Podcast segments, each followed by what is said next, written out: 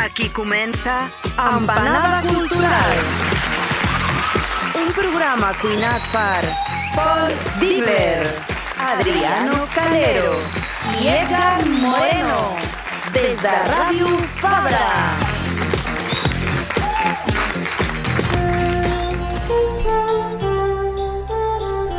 Oh. El primer programa de l'any. Hola, què tal? Hola. Hola, hola. Benvingut, 2023. O no, ja veurem, ja veurem, que hi ha qui diu que estem més a prop de l'agenda 2030.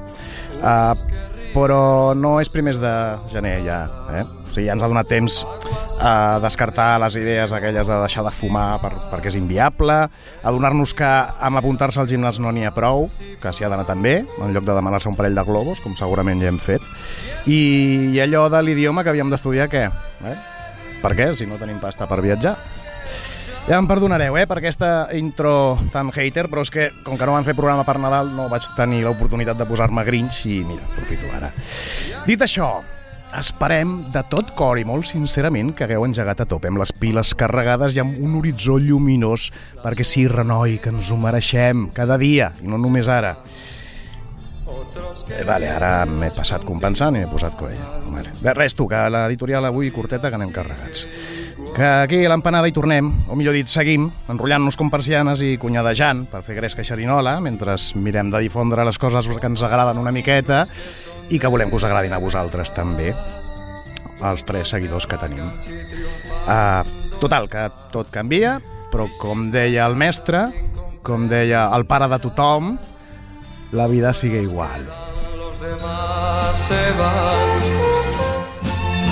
Que l'heu fet a junts, aquesta, o què? Estrenem, estrenem patrocini Julio Iglesias aquest any. Clar que sí, clar que sí. Però té tota la pinta Qué de mejor que us- manera de empezar. us heu reunit, no?, per fer aquesta editorial, No, no, el no, Pol no, i tu, jo no, tinc res a no, veure. No, no, no, no. El teatro encara, encara tria, d'arribar. eh, Estava ahí, estaba ahí Está rozando. viniendo, está viniendo. Se vienen cositas, ¿no? Pero que es diu? he de decir que nada de esto me representa, ¿eh? Es decir, no, no, no, yo sigo aprendiendo idiomas. Julio, ¿no? Sí, no, no, Julio. esto, por supuesto. Pero sigo aprendiendo idiomas, sigo yendo al gimnasio. Eh, pasa es que sigo en el 2022. Yo no me he dado cuenta ni que, ni que estamos en el no es un 2023. propósito, ya lo hacías. No, ya lo hacía, un tío, tío. constante. Tenim, això sí, tenim un propòsit aquest any que és uh, posar un quart nom a la, a la llista, no? Sí, porque es de, verdad. De intro. No, algo, que, fuera. algo que ha faltado es decir, éramos tres señoros y llegó la abuela, ¿no?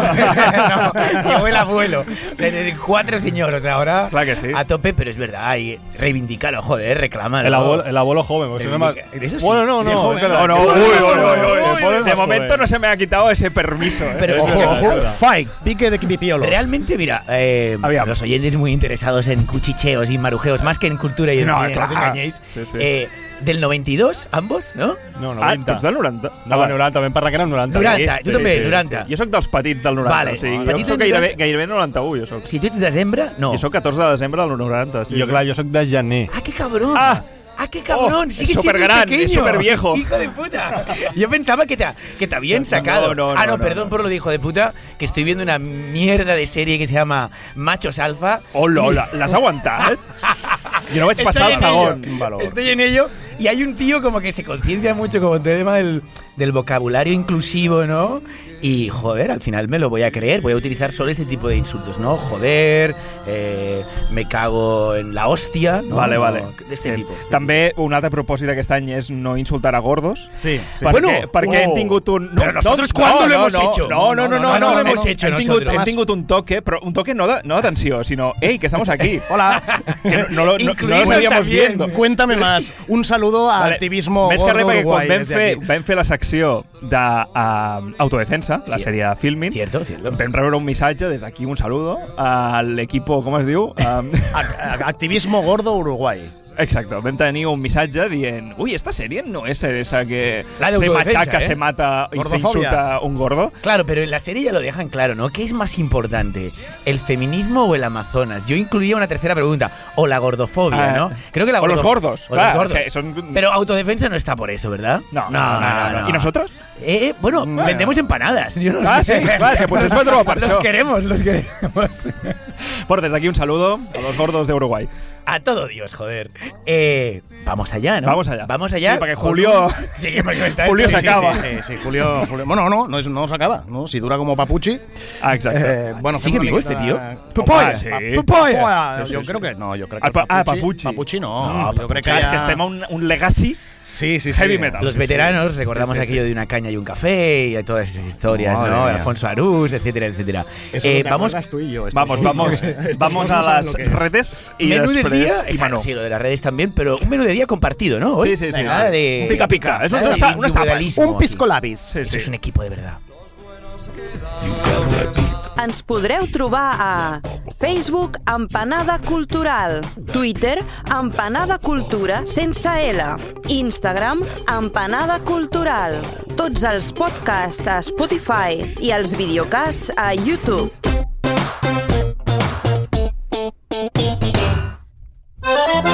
Menú del dia. Aviam, avui portem bastanta tralla, per això també hem dit lo dels gordos, però portem bastant de menjar. Hem dit que... Hem dit que, Pol, Pol, però hem dit que no, no, que acabem de començar faríem, no, l'any. no, no, però hem dit que no faríem a la... A la o sigui, a veure... Pero a ver, que son hombres, ¿eh? No, las, est- no las gordas. estem Las gordas no visibilitzant. tocamos, ¿eh? Sabeu allò que... Los que- hombres sí. Te recordes aquell programa, vale. el programa que vam fer de, Especial de, de, de humor negro, que era... Uh, que no humor de negros. Vam, vam fer humor negre que vam dir... Al final l'humor... M'estic fotent el jardín ja. Això s'enfonsa. Ah, que vam dir, ah, l'humor negre també visibilitza. Te'n rius d'una cosa, però també visibilitza. Estamos aquí. Bueno, va. Totalmente. Jo ho estic passant fatal ara mateix, que ho sàpiga. La suor, la suor de Sí, sí, gener. la, la roncha de Pero- ansiedad. Por, por hombre y por gordo, ¿no? También. Todo, todo por, y por negro. Bueno, Claro, a Adriano, a ¿Con qué voy yo, representante no? de los de los calvófobos. Exacto. De esto no se habla. De esto no se habla, ¿eh? De esto no se habla. Comencem. joder. Primer, primer, estem de tops. Avui fem com una mena de resumen Sí, de sí, 2022 estamos- un poco tarde. Estamos pero- en un nivel muy elevado hoy, Exacto. exacto. Yo vengo con un top de cine, pero que nadie, que nadie se confunda. Es decir, el top ya lo hemos ido dosificando a lo largo del año, porque somos gente que busca la rabiosa actualidad, ¿no? Y cuando las películas ni siquiera habían llegado, porque muchas de las que comentamos No se el año habían ni ro- pasado, ni rodado. No, no, ni siquiera, ni, no, no había ni preproducción No, no, no, hecha, no, no. pero yo ya lo sabía. Ya me entendéis. Es decir, películas que se van a ir estrenando poco a poco, que ya las comentábamos en el 2022, nosotros que nos movemos en el ambiente de festivales, Sí, sí, ¿no? Y que tenemos información, vamos, rabiosa actualidad, como decíamos. Pues vengo con tres películas, pero que deberían sumarse a ese top ya regalado y comentado en programas anteriores. Estem parlant de que avui farem micro, mini, Ricardo, eh, eh, hombre, small por favor, sections. por favor, tío. Vale, doncs seguim. Uh, jo vaig amb un altre top, però en comptes de fer un top 3, he volgut fer un top 1 de cada cosa que he anat portant de videojocs, còmics, llibres, però un top 1 una mica underground, és a dir, d'aquests tops que, per algú, si no, no l'hem portat durant l'any, però d'aquestes obres que potser han quedat una mica, en, entre cometes, en l'anonimat, com a mínim, a certs nivells, no? Llavors anem a, a veure quines són aquestes tres obres en diferents camps per, per destacar una mica, no?, aquest Rescatando 2022. joyitas, Sí, sí, ¿no? una mica. Bien, sí, sí, sí, sí. No, jo, jo una mica igual que el Pol. Jo he portat... Jo és que això dels els tops ho porto fatal. I aleshores he, he tirat de subjectivitat i he pensat, dic, a veure, què és, què és el que m'ha fet alguna a la panxa durant aquest any 2022? I les tres primeres coses que m'han vingut al cap són les que he portat avui, que a més a més em serveixen també per fer aquesta militància, no?, de parlem una miqueta, perquè són tres coses que porto, de les quals crec que se n'hauria d'haver parlat més o les hauria de conèixer més. Sí, reivindicació, eh? Sí, vamos Sí, sí, jo també, eh? Reivindicació. també. Reivindicando. Me vais a hacer sentir mal porque tú, joder, Ah, no, no, Marcos, di- tú sí, vienes sí, ya sí, directamente, tu sección en sí misma está pensada para rescatar. Y eso lo puedo decir bien sin Straight- bajas. sin Straight bajas. En Cats. Eh, ¿Cómo, cómo? Hoy los ha traído Auta, ¿no? para que veáis que no, que, que no Paul Digler on fire 2023, Es decir, señoras y no señores. es que nos traiga vinilos que después escuchan Bandcamp y él no tiene ni, vamos, ni pinchadisco ni nada. No, no, hoy ya nos lo demuestra. Nos Sí, traes sí, tres sí. vinilos. El ver. próximo día conectamos ya directamente en tu casa con el vinilo Ah, ahí exacto. sonando. Estaría bien, ¿eh? si no y vengo. nos enseñas tú. No, yo, yo en verdad quería hacer un antitop, ¿sabes? Ah, Tito, Oh, tú. Las Pero como, peores. como concepto, no, porque dentro del antitop a veces tienes cosas muy interesantes, ¿sabes? Claro. Pero ¿cómo? ¿Cómo? A ver, O sea, no un antitop de Es ratsis que- de coses que no t'han gustat o no? Un fer això, un de això. Sí, Sí, no? sí, perquè Crec que- el top té com un, un punt de... que té, té que agradar, no? Però Sí. clar, quan alguna cosa no t'agrada, no? Sí, sí, sí. també te Jo, pone, jo no? aquesta setmana puc Sí, tatxar jo- dos jo- és d'antitops el tema. que, que jo eh, aquesta, en una setmana de diferència he vist Avatar i he vist La Piedad. O sigui, que per mi és com la nit A i el ver, dia, parecen però... en las antípodas, pero no, las Pero no. meteríamos en ese saco. Sí, sí. Pero ahí yo no creo. Bueno, igual con la piedad te saldrá algún iluminado, tipo Ah, Carlos sí, sí, sí, Martínez sí. y tal, Sí. que te dirán que Sí, no, sí, que sí, hay sí, muchas sí. cosas a rescatar. Después y lo que hay que rescatar es el fuego, el fuego, el, ¿no? la gasolina, el mechero y al director Sí, sí, y sí. ponerlos ya. muy Ah, cerquita todos Entre, ellos. entre el azul y el pastel ya veremos En qué queda. privado os pasaré un vídeo del director con unas declaraciones tremendas de intelectual. No, no. Ah, bueno. Hòstia, bueno. que suenen Va, aquí, Doncs joder. comencem. Vale. Comencem, anem cap a cinema a veure que, Vamos, qui, venga. quines microseccions ens porta. Hala, hasta luego, eh, nos vamos al cine.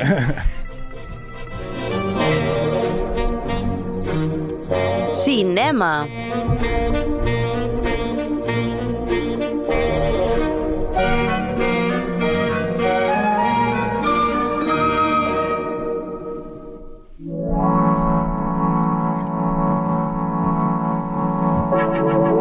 Empezamos la primera sección de cine del año, del año 2023, y me hace gracia, no puedo parar de reírme ya por el nivel con el que hemos entrado en el programa, pero sobre todo porque Paul no es consciente y ha repetido varias veces ya lo de, pero microsecciones, ¿verdad, Adriano? Pero o sea, sobre todo breves, ¿no? Algo conciso. No, no voy a enumerar los títulos de la película solo, ¿eh? O sea, de hecho, no te preocupes, que el- el- con la primera peli entro con más ganas, Vale. quizás me extiendo, pero no, no te preocupes que no va a ser eh, el, el patrón para las dos siguientes. Y de hecho, como comentaba ya, ¿no? En, el menú del día, estamos, bueno, lo hemos comentado todos, estamos empezando este programa presente, pero mirando al pasado. Un pasado ciertamente inmediato en algunos casos. De hecho, pasado, presente, futuro, ¿no? Un poco como la vida misma, como esas capitas de cebolla que siempre dialogan, eh, va a ser también un poco el, el- el tono el, y el enfoque de esta sección. Así un poco como a lo Fernando Trueba, ¿no? Con un ojo puesto en, en, el, en el presente, otro en el pasado. Primer vídeo del año cancelado. Y el, y el tercer ojo en... El futuro. En el pasado, El futuro. De hecho, como soy un tipo muy equilibrado, os presento literalmente tres películas. Una que se estrenó en el 2022 y que no tuve la oportunidad de comentar aquí. Pasado, ¿no? Evidente. Otra que se acaba de estrenar hace cuestión de días, presente. Y una que se va a estrenar en cuestión de semanas. Obviamente. Pues que top futuro. 22 más raro. Futuro. No, porque es que en el fondo, lo hemos comentado, ¿no? ¿Cuántas películas? Ya, ya. De hecho, nunca acabo de entender muy bien por qué la gente corre a hacer tops a final ¿no? De año, cuando hay cantidad de películas que nos van a llegar ¿no? en enero, en febrero. De hecho, de alguna manera marca los Oscar, ¿no? Sí, la sensación sí, sí. que tienen que entrar antes ¿eh? de los Oscar, sobre todo estas, estos estrenos y muchos que nos llegan después. O, o más importante, los Gaudí. Obvio. Los Gaudí, que por cierto, la- estarán escuchando. Qué, qué, qué, qué chatequeteros. O sea, nos ponemos a hablar de cine, del pasado, cuando podríamos estar defendiendo nuestras propuestas de, de las És veritat, no hem fet especial al Carràs. Hòstia, Què, què estem fent? És que que, que som l'únic que estem mitjà que no l'hem fet. que estamos Un, haciendo. un Alcarràs asbestas, sisplau. Bueno, que ya no vamos por la microcrítica, ¿eh? Tres secciones, no, tres películas, perdón. Que estàs amb la intro de tu Pasado, secció. no sé, és que presente y futuro. Tres peliculones que, como ya decía, se suman a peliculones que aquí hemos comentado. Y no puedo evitar volverlos a mencionar. En este caso sí, los títulos. ¿Cuál sería mi top realmente? Hostia, pues iría Asbestas, Vamos. un peliculón que comentamos eh, sutilmente a raíz del, del, ¿no? del Festival de Cine de Sitges, ya venía de San Sebastián. Return to Das, la ganadora del Festival de Cine Asiático de Barcelona, ¿no? Dirección de Lee Rui-jun, un peliculón para mí. Close, Lucas Don. De hecho, muchos de estos títulos van a seguir sonando porque son parte de esta preselección de los Oscars de cine internacional. Close, cine belga, Lucas Don, francófono. Mantícora, Carlos Bermud, Sí. que por cierto, eh, creo que es para los Goya que está nominado como mejor director. Sí. No como mejor película, sino como mejor dirección. O Pacifiction, que de estas películas. Que no s'ha comido un rosco, No se ha comido un rosco, pero yo creo que en Francia, porque es No, no, no, deja de a ser producción França li, francesa. donar la Premi de la Crítica. Exacto. Sí, Serra, que ya es más francés que catalán. Pero bueno, ¿por qué comento esto? Porque intento barrer para casa, que si no habéis podido escuchar estas secciones, recuperarlas, recuperarlas y hacer subir un poquitito, ¿no? El nivel de este programa que tenemos que, Que luego ya llegará el cómic que ya veremos que san- sangraremos por la nariz. Y bueno, dicho todo esto, ahora sí, hablemos con propiedad, pero con la música adecuada, por favor, Uriol, para presentar la primera película de este top del, del 2023-2022. Favor, ese movimiento de hombros. Yo quiero un movimiento de hombros, porque no, yo no vengo a rescatar lo, lo que no se ha visto, lo que ha quedado en una mirada periférica, en el rinconcito. No, no, no, no. Yo estoy tirando de un blockbuster hoy. De un Hostia. auténtico blockbuster. Algo inaudito en mí, ¿no? Sí, sí. Bueno, no sé, digo yo, vamos. Sí, sí, sí. Porque sí, porque esta, esta música ya no que nos invita a una triple pirueta mortal, ¿no? Un salto musical que nos está llevando, no sé si sois conscientes, a la India. A la India, de- concretamente a Nueva Delhi, al Nueva Delhi de los años 20 del siglo pasado. Y ah, lo hacemos gracias a una película que se llama Triple R. Sí, sí. R, R, R. Rise, Roll, Revolt, ¿no? Es decir, alzarse, rugir, revolución. Veníais hoy un poco No, no. reivindicativos también. Sí. Pues ahí tenemos más R. Y es que es gracioso además, porque esto de la triple R también encaja en los nombres, los nombres reales del director, Rajamouli, y de los dos actores protagonistas que se llaman Rama Rao y Ram Charan. Pero bueno, en la peli no, no, no tiran de R, son, bueno, sí, uno. En la peli son Bim y Raju, dos revolucionarios que realmente existieron, que existieron, son dos revolucionarios legendarios que lucharon contra los colonizadores británicos. De ahí lo de mm, principio del siglo XX, 1920. M'encantaria que fos un biòpic real i que eh, seguessin lo, la locura que és aquesta pel·li. Exacto. Que passat de veritat. Veo que Paul sabe de qué estoy hablando. Sí, sí, sí, sí. Eh, no sé si es vuestro no caso. visto, no tenéis ni idea, No, ¿no? todavía no, Bien, bien, pues, pues sigamos un poquitito. Porque como os decía, estos dos protagonistas eh, son dos revolucionarios. Uno, argumentalmente, ¿eh? en la historia de la película, lucha desde, desde fuera, es decir, parte de una tribu marginada, ¿no? Donde cantidad de componentes de esa tribu son asesinados y finalmente una niña raptada.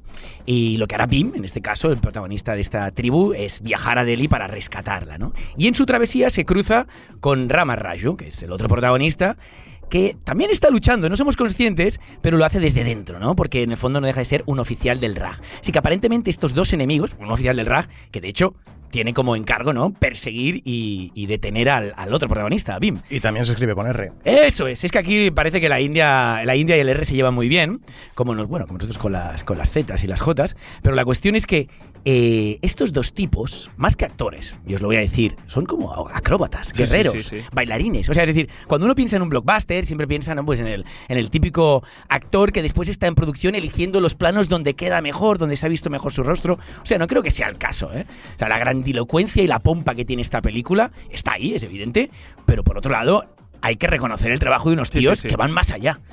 Es un poco como el Tom Cruise, ¿no? De, de Misión Imposible, Sí. que tuve la oportunidad de verlas. Sí, pero yo Tom Cruise no lo he visto bailando, volando. No, no, no. Eh, O sea, claro. Evidentemente hay mucho efecto. Yo voto desde ya por ver a Tom Cruise en Bollywood, ¿eh? También bueno, lo digo. lo, lo que se está comentando es que alguno de estos tíos acabará en Hollywood. És De que hecho, lo bueno, mínim. Me, me- me estoy anticipando, me Sí, estoy sí, anticipando, sí. me estoy anticipando. M'estic mossant la llengua, eh? Ya, ya- lo sé, locura ya es-. Sí, sí, es que es, es- Bueno, de hecho es una peli que pegó muy fuerte cuando fue estrenada en Netflix. Aquí la desgracia es que nosotros no la, hemos, no la hemos podido ver en pantalla grande, cuando es claramente una película para ver en cine. De ahí también que la, que la rescate, ¿no? Que parezca aparentemente una peli simplemente comercial y que le vea yo un valor también porque vuelve a ser cine en mayúsculas, ¿no? Es la gran hipérbole del cine. Pero aquí nos la tuvimos, no, nos la tuvimos que comer o nos la podemos seguir comiendo porque está ahí en Netflix. Y ahora ha vuelto a estar un poquitito en noticia, no sé si, os- ¿no? si, si recordáis los Globos de Oro. Sí, sí. ¿Y qué pasó en los Globos de Oro?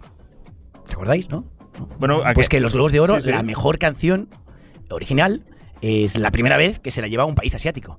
Y en este caso se la llevó, ¿no? La mejor canción es Nacho Nacho o Natu Natu. Así que ni Lady Gaga ni Rihanna, señores, este año, ya en el 2023, el Globo de Oro fue para el compositor indio Keravani. Keravani. Y es que ya solo cuando escuchas la canción de la que estoy hablando, I, I em que ellos canso. hablaron, Jo només l'escolto ara i em canso, tio. por la coreografía que la sí, acompaña, sí, ¿eh? Es que ya la, la ves, o sea, la ves y la escuchas, ¿no? Igual escuchándola te cansas más solo, pero cuando la ves hay una, hay una suerte también de, de, de- de empatía visual y de enganche, todo y lo, y lo, lo y poco verosímil que es realmente, ¿no? De hecho, ¿qué os parece si la escuchamos? Sí, sí, sí. Los que puedan, que vean el vídeo también, porque es una maravilla, dura cinco minutos, acabaré hablando sobre ella, pero al menos los primeros segundos que suenen. Salsa, not flamenco, my brother. Do you know Desi Nach? What's Desi Nach? बैल जैसे धूल उड़ा के सिंग उठा के तुम भी नाचो बाज जम के ताल ढोल बेटा राजू उड़ के नाचो हीरो से भी तेज कोई कर सके जो बेद नाचो अस्तबल में घोड़े जैसे भाग डोर छोड़ नाचो मिट्टी जोता रोट मोटा मिर्चा खा के ऐसे नाचो आजा छोरे आजा गोरे आजा छोरे नाचो नाचो नाचो नाचो नाचो Una maravilla, una maravilla, señores. Nacho, Nacho o Natu Natu. Tengo que contaros aquí que mi hijo acabó escuchando esta canción de fondo y se quedó flipado. Se quedó flipado con la canción y con el vídeo. Mi hijo de tres años, ¿eh? Y entonces me pedía, papá, Nacho, Nacho. Claro, al final acabas agotadito, ¿eh? De la canción, ya te lo sí, digo. sí. Se la puse un par de veces y dije, no, no, ya la han sacado del mercado, no existe. No existe. No, no, no. Ha Nacho- caducado sesión. de hecho, un día le puse la versión Telugu, Natu Natu, y me decía, no, pero esta no es. Es el mismo videoclip, es la misma coreografía, son los mismos tíos que, como Paul mostraba, no paran de sonreír, La ¿no? sonrisa mientras, esta. Mientras sudan y bailan y saltan. Pero Nacho Nachu, Nacho Nacho, perdón, es hindi. Y Natu Natu es Telugu. Eh, bueno, no sé si estáis muy familiarizados con la India y sus 22 lenguas oficiales, Cuidado. 22 alfabetos diferentes, ¿no? Porque tiene No, tela el no. tema. De hecho, este vídeo, solo la secuencia, 115 millones de visualizaciones en Telugu, Natu Natu, 226 millones de visualizaciones en hindi. Poca broma, ¿eh? Poca broma. Claro, es cierto que, joder, es que la India ahí cree 1.400 millones de habitantes, un poquito más, 1.408. Y cuando te pones a mirar la India por población, acojonante, ¿eh? Porque hay poblaciones como Kerala o, yo que sé, Karnataka, departamentos, ¿no? Que podrían ser comparados a comunidades autónomas aquí, que tienen mayor población, solo estas regiones, que muchos de los países superpoblados de Europa o incluso de, de Sudamérica, ¿no? Ahí, ahí han erradicado la gordofobia. Ahí está Porque claro. si no, no. Ahí está no- clarísimo. es la única manera de sobrevivir en ese país. De ahí que también sea muy comprensible que esta peli sea esté tan tan saturada, ¿no? Porque es que la India funciona así. Funciona así, es, decir, és- que gane el más fuerte, És, eh, és una excessiva excesiva, de literalmente. tot. D'acció, de música, però en el bon sentit, eh? Perquè et tragues... Estem parlant de 3 hores. Bueno, yo leí por ahí y me hizo muchísima gracia que era como un encuentro entre John Woo eh, y el cine de superhéroes. Y es tal cual. Sí, porque son- estos son- dos tipos son los presentan sí, como dos superhéroes, ¿no? Dos superhéroes que se dan de hostias, que bailan, que cantan. Estoy bastante de acuerdo con esa, con esa comparativa y de hecho la sensación que he tenido ante la película es ante como si fuera una buena peli de, de- de artes marciales, ¿no? Sí, sí. Que sabes que no te la crees, que es pura fantasía, que es puro delirio, pero al menos yo, ¿no? por, por cierta debilidad que tengo hacia el género, eh, la acabo disfrutando No, no, no, muchísimo. super ¿no? entretinguda. ¿Tú qué te pareció? ¿Qué te Sí, pareció? no, no, a mi em va agradar, eh? O sigui, sí que és veritat de que eh, fa vertigen veure una pel·li índia de 3 hores, però és que, clar, la primera seqüència ja és loquíssima. O sigui, sembla, perquè us feu la idea, i crec que tu ho hauràs vist, um, és una mica aquest rotllo Kung Fury. Oh, saps? home, o sigui, aquestes home, locures, sí, sí. o sigui, de Soccer, persona... Sí, Shaolin Soccer, saps? Aquesta gent de... Salgo del cotxe, em pujo sobre el cotxe en marxa, disparo, hago un, hago un, un brinco... Sí, sí, allò, allò de la suspensió de la credibilitat, però dame mi clar, i dame o sea, más da- i dame mierda. porno. Pues aquesta peli sí, sí. és cada 10 minuts passa Sí, sí. algo loquísimo. O sea, però, però de dir, lo siguiente que serà, la següent escena, què serà? I sempre et sorprèn. Eh, És molt... És, és a dir, és molt anada d'olla, és, és molt com ir, irreverent també en molts moments de dir, però, però ¿por Sí. qué ahora? Qué sé, Sí, ¿sabes? sí, es, es una como Es explosiones ahí como de locas. estímulos. Sobredosis de estímulos. Sí, sí, sí, sí. No, Totalmente. pero non-stop, ¿eh? Es decir, Full. diríamos que esa teoría tan hollywoodense del montaje, ¿no? Donde el plano tiene que durar tres segundos y así tiene a tu cerebro trabajando continuamente porque tu ojo no para de leer, ¿no? Y eso es lo que hace que incluso una película absurda te retenga continuamente. Aquí, más que hacerlo por cuestiones de montaje, se ofrece a través de, de, primero, del presupuesto eh, totalmente desorbitado que tiene esta película. es nota, es nota. Els efectes estan molt ben fets, eh? de- con unos efectos acojonantes, pero bien hecho. Es decir, al final estamos ante un cine de superhéroes, ¿no? A la India, que, que está pensado para gustar, pero que a la vez también eh, rompe con muchos de los esquemas que, que- que serían bien vistos, ¿no? Como por ejemplo acabar armando a la población. Es decir, hay un Sí, sí, momento que lo que se dedican los héroes no es a, no, tranquilos, no os metáis en esto. No, no, no, tomad armas, hijos míos. Vamos contra el Yo- imperio británico. yo no- Ese imperio, ¿no? Que nunca veía, eh, que nunca veía la noche, porque amanecía y, y en Asia con todas las colonias y, y en, en Norteamérica, ¿no? Jo crec que Dormía. com a recomanació és mireu la primera escena, que és com un poco Resident Evil, en, en medio de, de la nada del, del desert, una base d'aquestes militars, i com no? És com intenten entrar tota la, la resistència i hi ha els, els típics polis, no? Els militares ahí, com en plan, mierda, mierda, que són millones, ¿sabes? Nosaltres somos cinco. Y es como, y el prota, que és com un Madelman, és com un Confury, ¿sabes? Allà, pues, si, si supereu aquesta i us mola aquesta escena, flipareu. Yo creo que tenéis que continuar. Flipareu. A mi me l'heu venut ja. Cine patriótico está clarísimo, pero claro, que sea patriótico indio en contra de un imperio británico está justificado. De nuevo hablamos como una suerte de minoría. Minoría de 1.408 millones de habitantes, sí, pero minoría en cuanto a cuestiones de poder, ¿no? Majoria silenciosa. Eh, i, sí. Bueno, I- és bastant estrident, no?, pel que expliqueu. Sí, És molt, silenciosa, molt, molt, té molt, molt, molt, estrident. molt. Aquesta era la broma. El tema es que no es políticamente correcta y en- está muy claro. No voy a entrar en si es mejor o peor, pero está claro que podían haberla mandado. De hecho, era una de las grandes candidatas para los Oscar, como no representando a la India, y no va. La que va es la de Pam Nalin. El director Pam Nalin, que ha hecho una suerte de Cinema Paradiso versión india, que se llama La Última Película. No sé si la habéis visto, es muy buena peli, y esta es la que han propuesto, y está en la preselección de las Ah. 14 pelis. Pero esto nos demuestra que todo y el enfoque comercial que tiene la película toca ciertos temas que ya no son tan buen rollistas. Nos, nos toca muy de cerca esto. ¿Por qué Vestas no fue Sí. y fue Alcarrás? Sí, sí. Ya no vamos a entrar en condiciones de calidad cinematográfica, pero joder. Sí, eh, está claro que Alcarrás mm, es más amigable, es una película más amable y Asbestas no lo es. Y todos sabemos aquí, yo creo, ¿no? apostaríamos a que si hubiera ido Asbestas, sí que estaría en esa preselección Clasificada de 14 seguro películas. y yo, y yo me apostaría un- una oliva a que lo ganaba. Mención canción original, lo he comentado, Globos de Oro. Mejor director en el Círculo de Críticos de Nueva York. eh, mejor música en la Asociación de Críticos de Los Ángeles. Y en el Critic Choice Award, mejor película de habla no inglesa y mejor canción. Veremos. La, ¿eh? la crítica la adora. Sí, la crítica la adora todo y ser lo que es, Sí, ¿no? sí, sí, sí. Y de estos superhéroes, ¿eh? de estos superhéroes eh, aceptables, ¿no? Ciertamente aceptables, nos vamos a un superhéroe que, hostia puta, ¿no? Realmente asusta, da, da- da mucha pena, casi asco, diría yo. Así que, por favor, Uriol, mi querido Uriol, que nos acompañe una música que, que ya nos que ya nos no ya nos demuestra que está en las antípodas del tono de la película que veníamos comentando no estamos hablando de una película aparentemente iraní ¿no? porque su director es iraní pero no ¿no? es una película de producción danesa porque Ali Abassi que es su director Ali Abassi es un director afincado en Dinamarca por cierto, película que también ha estado seleccionada, ¿no? En esa preselección de 14 pelis para los Oscars internacionales. Y, eso sí, representando a Dinamarca, todo y que tiene un background. to- Sí, toda sí. la película transcurre en Irán, en la ciudad santa de Mashhad. Y, y es una película que nos habla de un superhéroe. lo- O sea, es decir, entender la metáfora. Un superhéroe nunca lo será para nosotras, pero lo ha sido para cierto sector de la población iraní. Un superhéroe que se cargó, ¿no? Va- Vamos a dejar de decir esto. Un hijo- antihéroe. un hijo- exacto. Sí, pero para allí. Para allí era un- era un ¿eh? Pero allí sí. era un héroe que se cargó a 16 prostitutas en Irán, ¿no?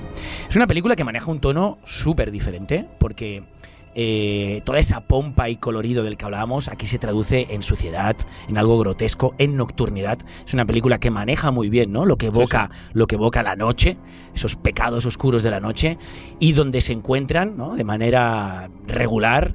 eh, un asesino que va en moto y ciertas prostitutas que están haciendo su profesión o que están ejerciendo su profesión en la calle. Eh, parecerá ahora que en la sección me meto en el, en el terreno de los spoilers, pero bueno, de nuevo, ¿no? Como decía Netflix, eh, la historia es el spoiler, porque estos son hechos que ocurrieron en Irán en el 2001. Y la película lo que nos hace es recuperar todos esos sucesos, pero lo hace de manera muy brillante, ¿no? Porque aparentemente, inicialmente, estamos ante un thriller de un asesino en serie. Sí, sí. Eh, que he leído por ahí, ¿no? De un crítico que me encanta, Sergi Sánchez, que le recordaba a los slash, ¿no? Al cine slash de los años 80, ¿no? Por esa suciedad, por esa por esa violencia, ¿no? Y esa agresividad visual y, y- y esa cercanía, ¿no? Que yo os digo que un tío curtido en cine, ¿no? Como somos nosotros, tíos curtidos en cine, o sea, estaba viendo la película y realmente estaba muy alterado, ¿no? No solo porque por los crímenes que comete, sino por cómo son narrados esos crímenes. Sí, però la violència és, és física, física en el sentit de... És una pel·li molt violenta, però que no és slasher en el sentit... No veuràs una gota no, de sang. No. De hecho, es súper interesante. Hay un detalle, eh, más que. Nos habla de una sociedad, ¿no? Y de una sociedad moral que cobra vida en una sociedad en, en plano, ¿no? En, en la composición. Y hay, hay elipsis majestuosas, porque es cierto que, aunque sí vemos muchos de esos asesinatos, eh, después siempre hay una elipsis, ¿no? En una elipsis en la que ya aparece el tío cargando un bulto. Lo sorprendente, ¿no? Es que este tío Sí. se pudo cargar la impunidad. 16 personas, Sí, ¿no? sí. 16 mujeres con una impunidad total, como dice Paul, y que después de matarlas las subía como un bulto, ¿no? En la moto. Eh, como una manta en la moto y se las llevaba ahí a tirarlas por ahí. Eh, lo curioso es que pudiera, ¿no? Cometer esos 16 asesinatos y que de alguna manera uno entiende porque gracias a esa impunidad que él va viviendo, se acaba, se acaba creyendo Sí. que él realmente es un superhéroe, ¿no? Que va a salvar y que va a Bueno, recuperar. i com tot superhéroe, com recordem la frase aquella de Spider-Man de dejen paso, que és un héroe. Pues Exacto. és, aquest, pues és aquest rotllo, no? La gent també hi ha un punt que diu mm, Sí, la estupidez de. eh, la estupidez de. nos están ayudando a limpiar las calles. eh, todo, todo, todo superpoder eh, conlleva Sí. una gran Un gran responsabilidad. poder ¿no? conlleva una gran responsabilidad. Y de hecho, lo que os comentaba, ¿no? Tenemos este discurso de thriller, ¿no? Sobre asesino en serie que acaba, que acaba deviniendo una suerte de película denuncia, una película claramente política. Tendremos espacios, ¿no? Para, para, para entornos judiciales, ¿no? Resoluciones judiciales. Pero aquí el personaje más interesante, al menos desde mi punto de vista, además de de, hostia, de- del director, ¿no? Que ha sabido conjugar estas, estas dos realidades, es también la actriz. La actriz que hace de periodista, que al final es la persona que realmente se encarga de, de detener a este cabronazo, ¿no? O sea, solo gracias a ella el sistema iraní eh, judicial puede sumar, ¿no? Una detención tan necesaria, porque en un primer momento lo que había era una impunidad y un caos, es decir, una falta de interés aparente, ¿no? Después de ver la película, pero sobre todo también una ineficiencia policial para detener a este, a este asesino, ¿no? Y al final es una periodista, que también, que también existió, ¿no? Que, que aquí hace de. Bueno, aquí está interpretada por Zar Amir Ebrahimi y ha sido una, una interpretación premiada tanto en Cannes, una película que tuvo premio en Cannes a mejor actriz, y en el Festival de Sevilla. Y ella, como periodista, acaba de alguna manera infiltrándose en un entorno ¿no? de la prostitución para poder. eh, conseguirlo Sí, sí. y que lo enjuicien, ¿no? No os quiero descubrir más porque a pesar de que argumentalmente parece que ya se ha presentado todo, la película aún guarda ciertos giros finales y sobre todo lo importante, ¿no? Ver esa impunidad y recuperar la denuncia Ujú. tan necesaria aún en día, ¿eh? seguramente, porque esto es una película del año 2001, pero seguramente si, si volviéramos a, ¿no? a, a- una a poner pel·lícula- el ojo en el La pel·lícula 2022. és d'ara, però la història és del 2001, no? Exacto, ¿no? Los hechos ocurrieron en el año 2001 en Irán, pero la película es de la actualidad, 2022, estrenada hace este fin de semana, de hecho, si no me equivoco, o el fin de semana anterior, y, como decía, película que dará que hablar porque no solo está nominada a Mejor Película Extranjera en los Spirit, ¿no? Independent Spirit, ¿no? Sino también el preselección de los Oscar. Y yo, ¿no? Yo apuesto por una posible Ujú. nominación final, ¿no? Bueno. no sé tú qué opinas. Sí, no, no, no, està bé. O sigui, perquè us feu la idea, qui hagi vist la sèrie Dahmer, saps? Com la del l'assassí caníbal que s'ha fet ara molt famosa, que li han donat el Globus d'Or a ell, al, al Evans, no? El, el, Sí, eh, pues- Pete Evans. no? Com a, bueno, a, la sèrie aquesta que és de l'assassí mític, el, el, el Jeffrey Dahmer, o com es diu, pronunci, saps? Que era un caníbal eh, americà a Mi- Milwaukee... Bueno, no sabeu la sèrie aquesta, que s'ha Sí, ficat molt, sí, sí. molt famosa. Hombre, claro, por favor. Bueno, no, no, però és Sí, una... sí, és pero una además el actor es el que yo, que soy Marvelita de Ah, pro. vale, que vale, sí, sí, sí. El actor es el que hacía del hermano Bueno, de i és l'actor que sempre feia els American Horror Stories. Sí, vale? sí. Luke Evans. Luke Evans. Uh, doncs uh, és un to molt semblant, és un to molt fosc, el que passa és que està centrat més amb la periodista, tot i que són històries paral·leles, no? en aquest cas és la periodista i l'assassí, um, allà està molt més encarat a l'assassí, no? I, i com, com el van el procés judicial i això, però aquí, hòstia, jo crec que és molt recomanable, o sigui, la pel·li et, et quedes Sí, enganxadíssima. aquesta... como decíamos, ¿no? Thriller que Sí, sí. se torna en, en película judicial, pero en esta primera etapa dos realidades en montaje alterno, una donde vemos a un bello padre de familia, Sí. ¿no? Que se comporta de manera genial con A, sus... a ella em va agradar molt. Ell també, Ell tots em dos, sembla- tots dos em semblen brutals, Buah. tots dos em semblen brutals. Y, y ella, ¿no? En su investigación periodística. Eh, no hemos puesto el tráiler, yo creo que podemos ponerlo un poquitito para que veáis imágenes y pasamos a la tercera película y última de esta, de esta sección. De estas microsecciones. الان نمی‌دونم این قاتل انگبوتی میگن چیه؟ اصلا با خودم ما فقط شنیدم و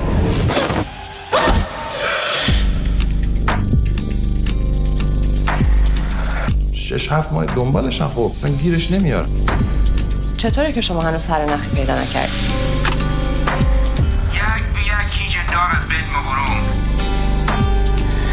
خود از بردار نیام یعنی میگن این در واقع این شخص طبق فتوا عمل می‌کنه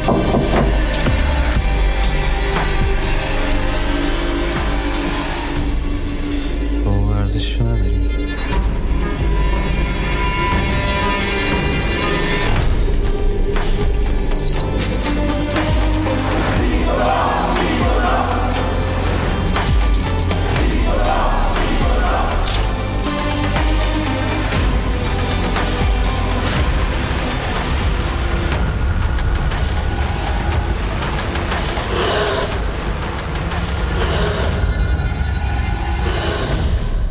یه کاری کردن بر راه رضای خدا بوده بابا جان ¿Qué tal lleváis el pez? Que, que, que anava a dir que igual, Bien. igual d'una pel·li iraní sí que haurien de posar els trailers doblats, eh? No, no, no, no. Yo, yo sé que todo el personal aquí domina el persa, pero vamos, con unas capacidades.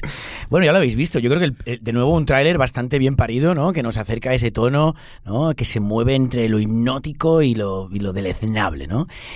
No sé si aquí mi compañero está en lo cierto, pero seguramente, porque soy un despistado. Holy Spider. Joder, Sí, si sí. no lo he dicho, Ali Abbasi, su director, producción danesa, rodada en Irán, y Holy Spider. Holy Spider. Pero dejamos Holy Spider para ir a otra película que, hostia, parece que este top 3 ¿no? nos, está, nos está llevando a una realidad más eh, asiática que no. Qué raro que en no ti, europea. ¿eh? Súper raro. Rarísimo. No sé qué me está pasando. Y es más, dejo la India y nos vamos a Pakistán, ¿no? Hemos hecho India, Irán, volvemos a un territorio más cercano a la India, en este caso Pakistán, para hablaros de Joylan. Joylan. ¡Wow! ¡Qué peliculón! ¡Qué peliculón! De hecho, de Joylan eh, voy a decir poco porque vamos muy, vamos muy mal ya para la primera Y sección. por suerte no la he visto, o sea Y- que no, no entraré. Aquí no, nadie va a colaborar. Pero Joyland es una película que la he acabado metiendo y la vi ayer. Es una película que la vi ayer, pero después de verla dije, joder, O sea, qué tenías un top peliculón. dos, ¿eh? Tenías Tenía un top 2. Ah. Yo quería traeros una película estrenada en 2022 el año pasado y una estrenada en 2022 este año, Holy Spider. Pero no, vi Joyland y dije, no, no, me, o sea, no me puedo resistir. Tengo que mencionarla simplemente, ¿no? Como mínimo mencionarla. Joyland es una película eh, que mucha gente ha tildado de queer, ¿no? Que parece que abandere el movimiento queer. Yo no lo veo tan así. Yo creo que lo que ofrece es un retrato de, de la sociedad pakistaní actual, presente, hostia, muy bien parido, ¿no? Con un enfoque técnico y un enfoque visual de cierta modernidad, todo y que parte de un formato cuadrado que nunca abandona, ya sabemos el topicazo del formato cuadrado, ¿no? Que nos tiende a oprimir, que nos tiende de alguna manera a aprisionar, eh, sobre todo ya acostumbrados a estos formatos muchos, mucho más panorámicos, ¿no? No es el caso de Joylan y de su director Saim Sadik, que han elegido claramente el formato cuadrado para hablar de una sociedad totalmente oprimida. Y no creo que esté exclusivamente oprimida eh, si hablamos ¿no? de la sociedad trans, eh, que es un elemento muy importante en la película, sino en general de todo Dios allí. De todo Dios, nunca mejor dicho, porque incluso los hombres, que evidentemente tienen una situación mucho mejor que la de las mujeres, no dejan de ser otros tíos, eh, otros prisioneros, unos prisioneros de la religión y de las estructuras jerárquicas que ahí acontece. Jerarquía que no la defienden las empresas, que la defienden las propias familias.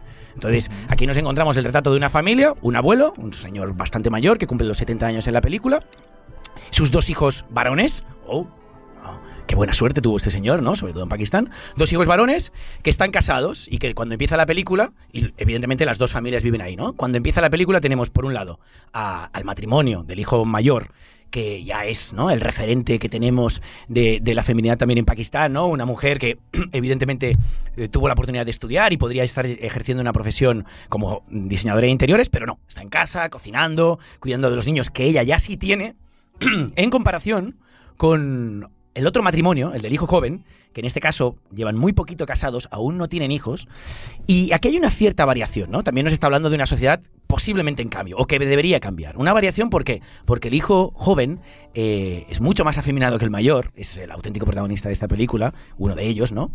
que no deja de ser un triángulo amoroso, así que los otros dos eh, personajes femeninos son muy importantes también, pero el hijo me- menor es alguien que no tiene trabajo, colabora en las faenas de la casa con su cuñada y en paralelo tiene a su mujer que sí que está trabajando como, bueno, es como, como maquilladora, ¿no? Asesora de imagen.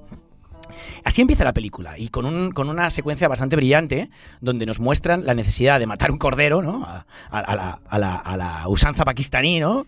El carnicero no contesta, pues oye, venga, sacar el cuchillo que lo hacemos nosotros. Ya vendrá el carnicero más tarde a despiezar y a- y ya regalaremos las, ¿no? las diferentes piezas a toda la familia. El tema es que cuando van a cometer ese asesinato, el del cordero, eh, el hijo menor no puede. Y quien lo acaba llevando a cabo es su mujer, ¿no?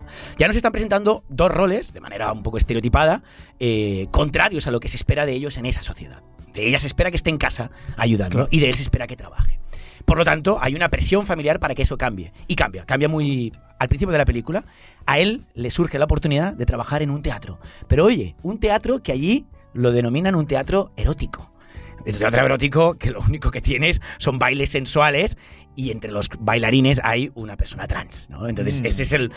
eh, Y hay una persona trans que compite, hostia, y aquí los de Uruguay van a estar contentos, con una mujer de cierto tamaño, una mujer oronda que, que de hecho tiene eh, la aceptación de todo el teatro, no, el amor y el deseo de todos los parroquianos.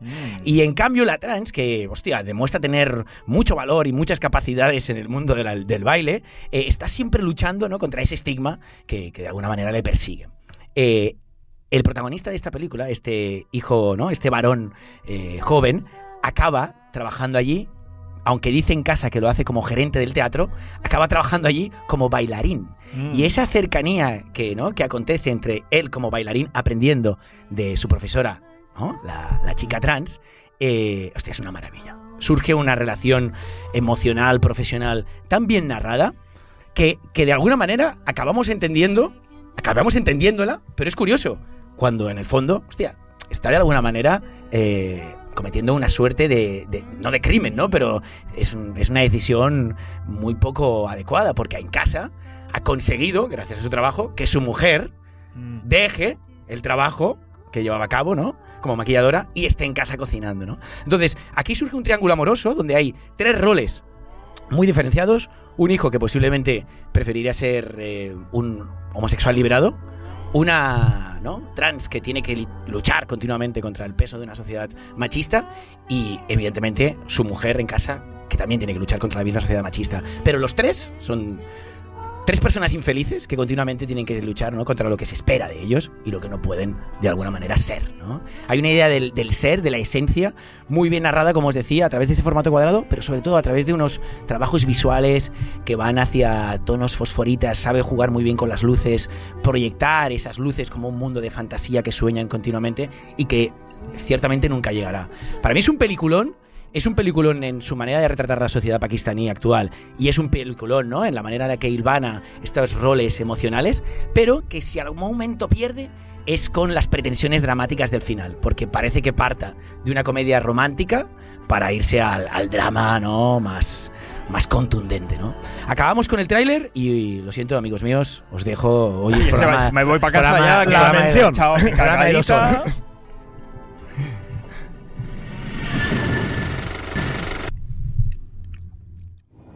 programa de dos cargadita. horas. Jokes ना कोई ਇੱਕ ਮੱਛਰ ਨੂੰ ਮੁਰਗੀ ਨਾਲ ਪਿਆਰ ਹੋ ਗਿਆ ਮੱਛਰ ਤੇ ਮੁਰਗੀ ਨੇ ਪੱਪੀ ਕੀਤੀ ਤੇ ਮੱਛਰ ਬਰਡ ਫਲੂ ਤੋਂ ਮਰ ਗਿਆ ਤੇ ਮੁਰਗੀ ਡੰਗੀ ਤੋਂ ਪੁੱਛ ਕਿਉਂ क्यों क्योंकि मोहब्बत का अंजाम मौत है अच्छा नहीं लगा बिल्कुल नहीं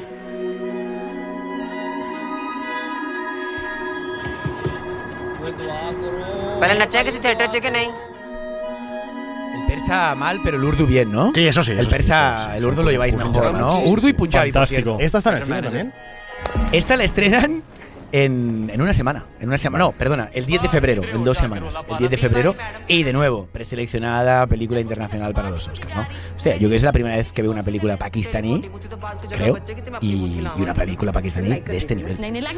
Pero no soy el único en este programa, me han dicho, ¿eh? Sí, Es que, hostia, qué lástima, hay qué otras lástima, voces. Joder. Videojocs.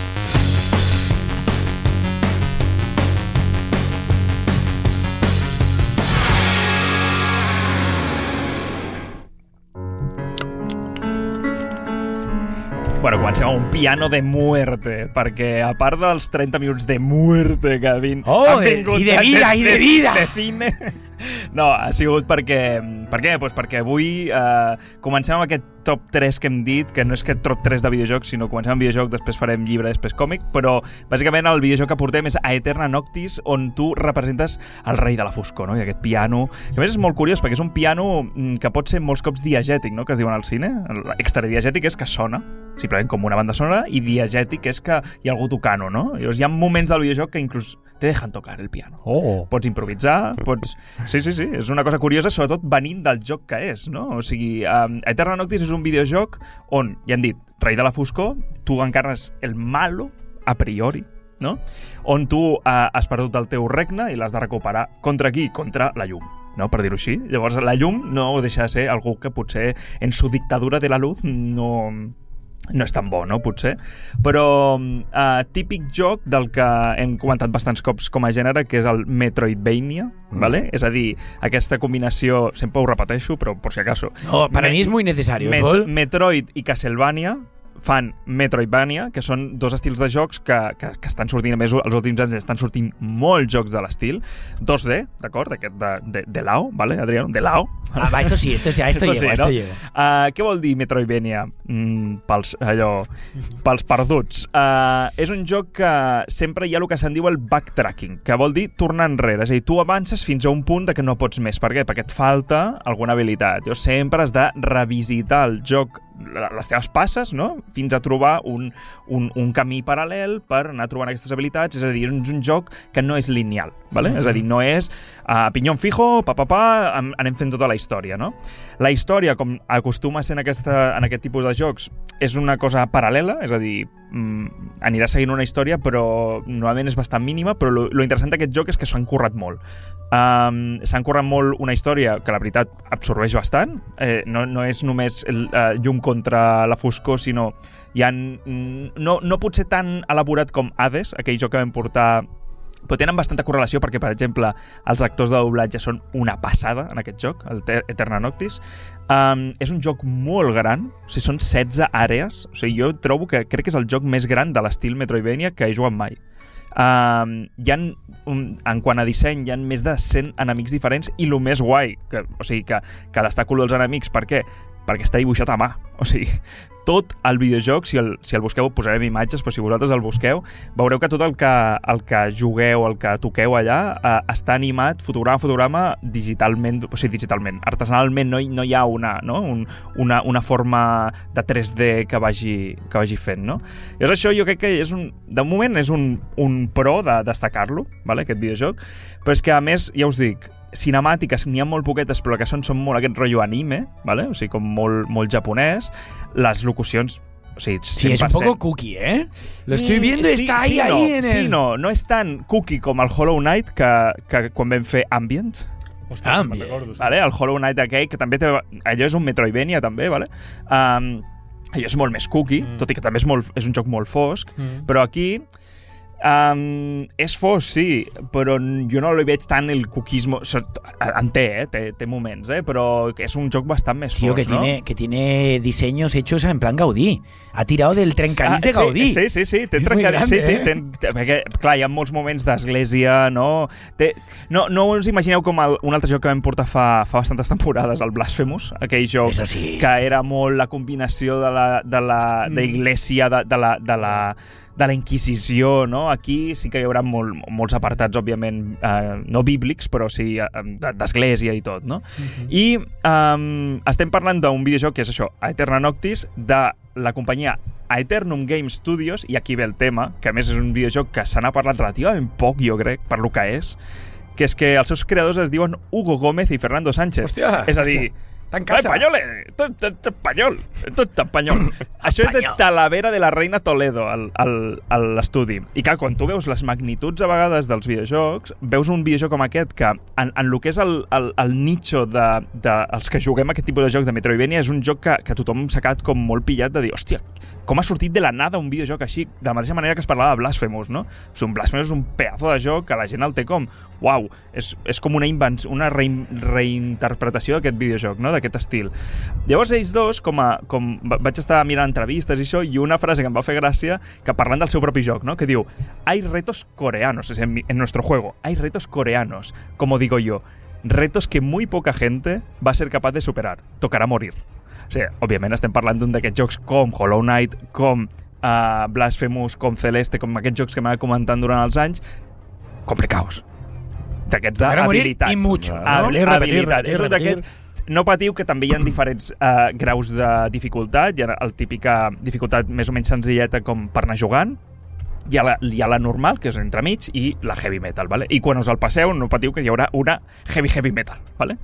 Llavors, um, en quant a estil, hem comentat això, la forma de jugar és molt fluida, o sigui, és un joc que és frenètic, uh, és super xulo, o sigui, et, et dona aquella capacitat de que quan acabes de jugar penses, hòstia, vull més, o sigui, quan tornes als típics jocs que no són tan així, dius, hòstia, és com slow motion, no? I, Ja. i us enganxa molt també per aquest estil. I si us va la marxa d'aquests jocs, Uh, és molt xulo perquè a internet, a la seva web, el de la companyia, tenen reptes.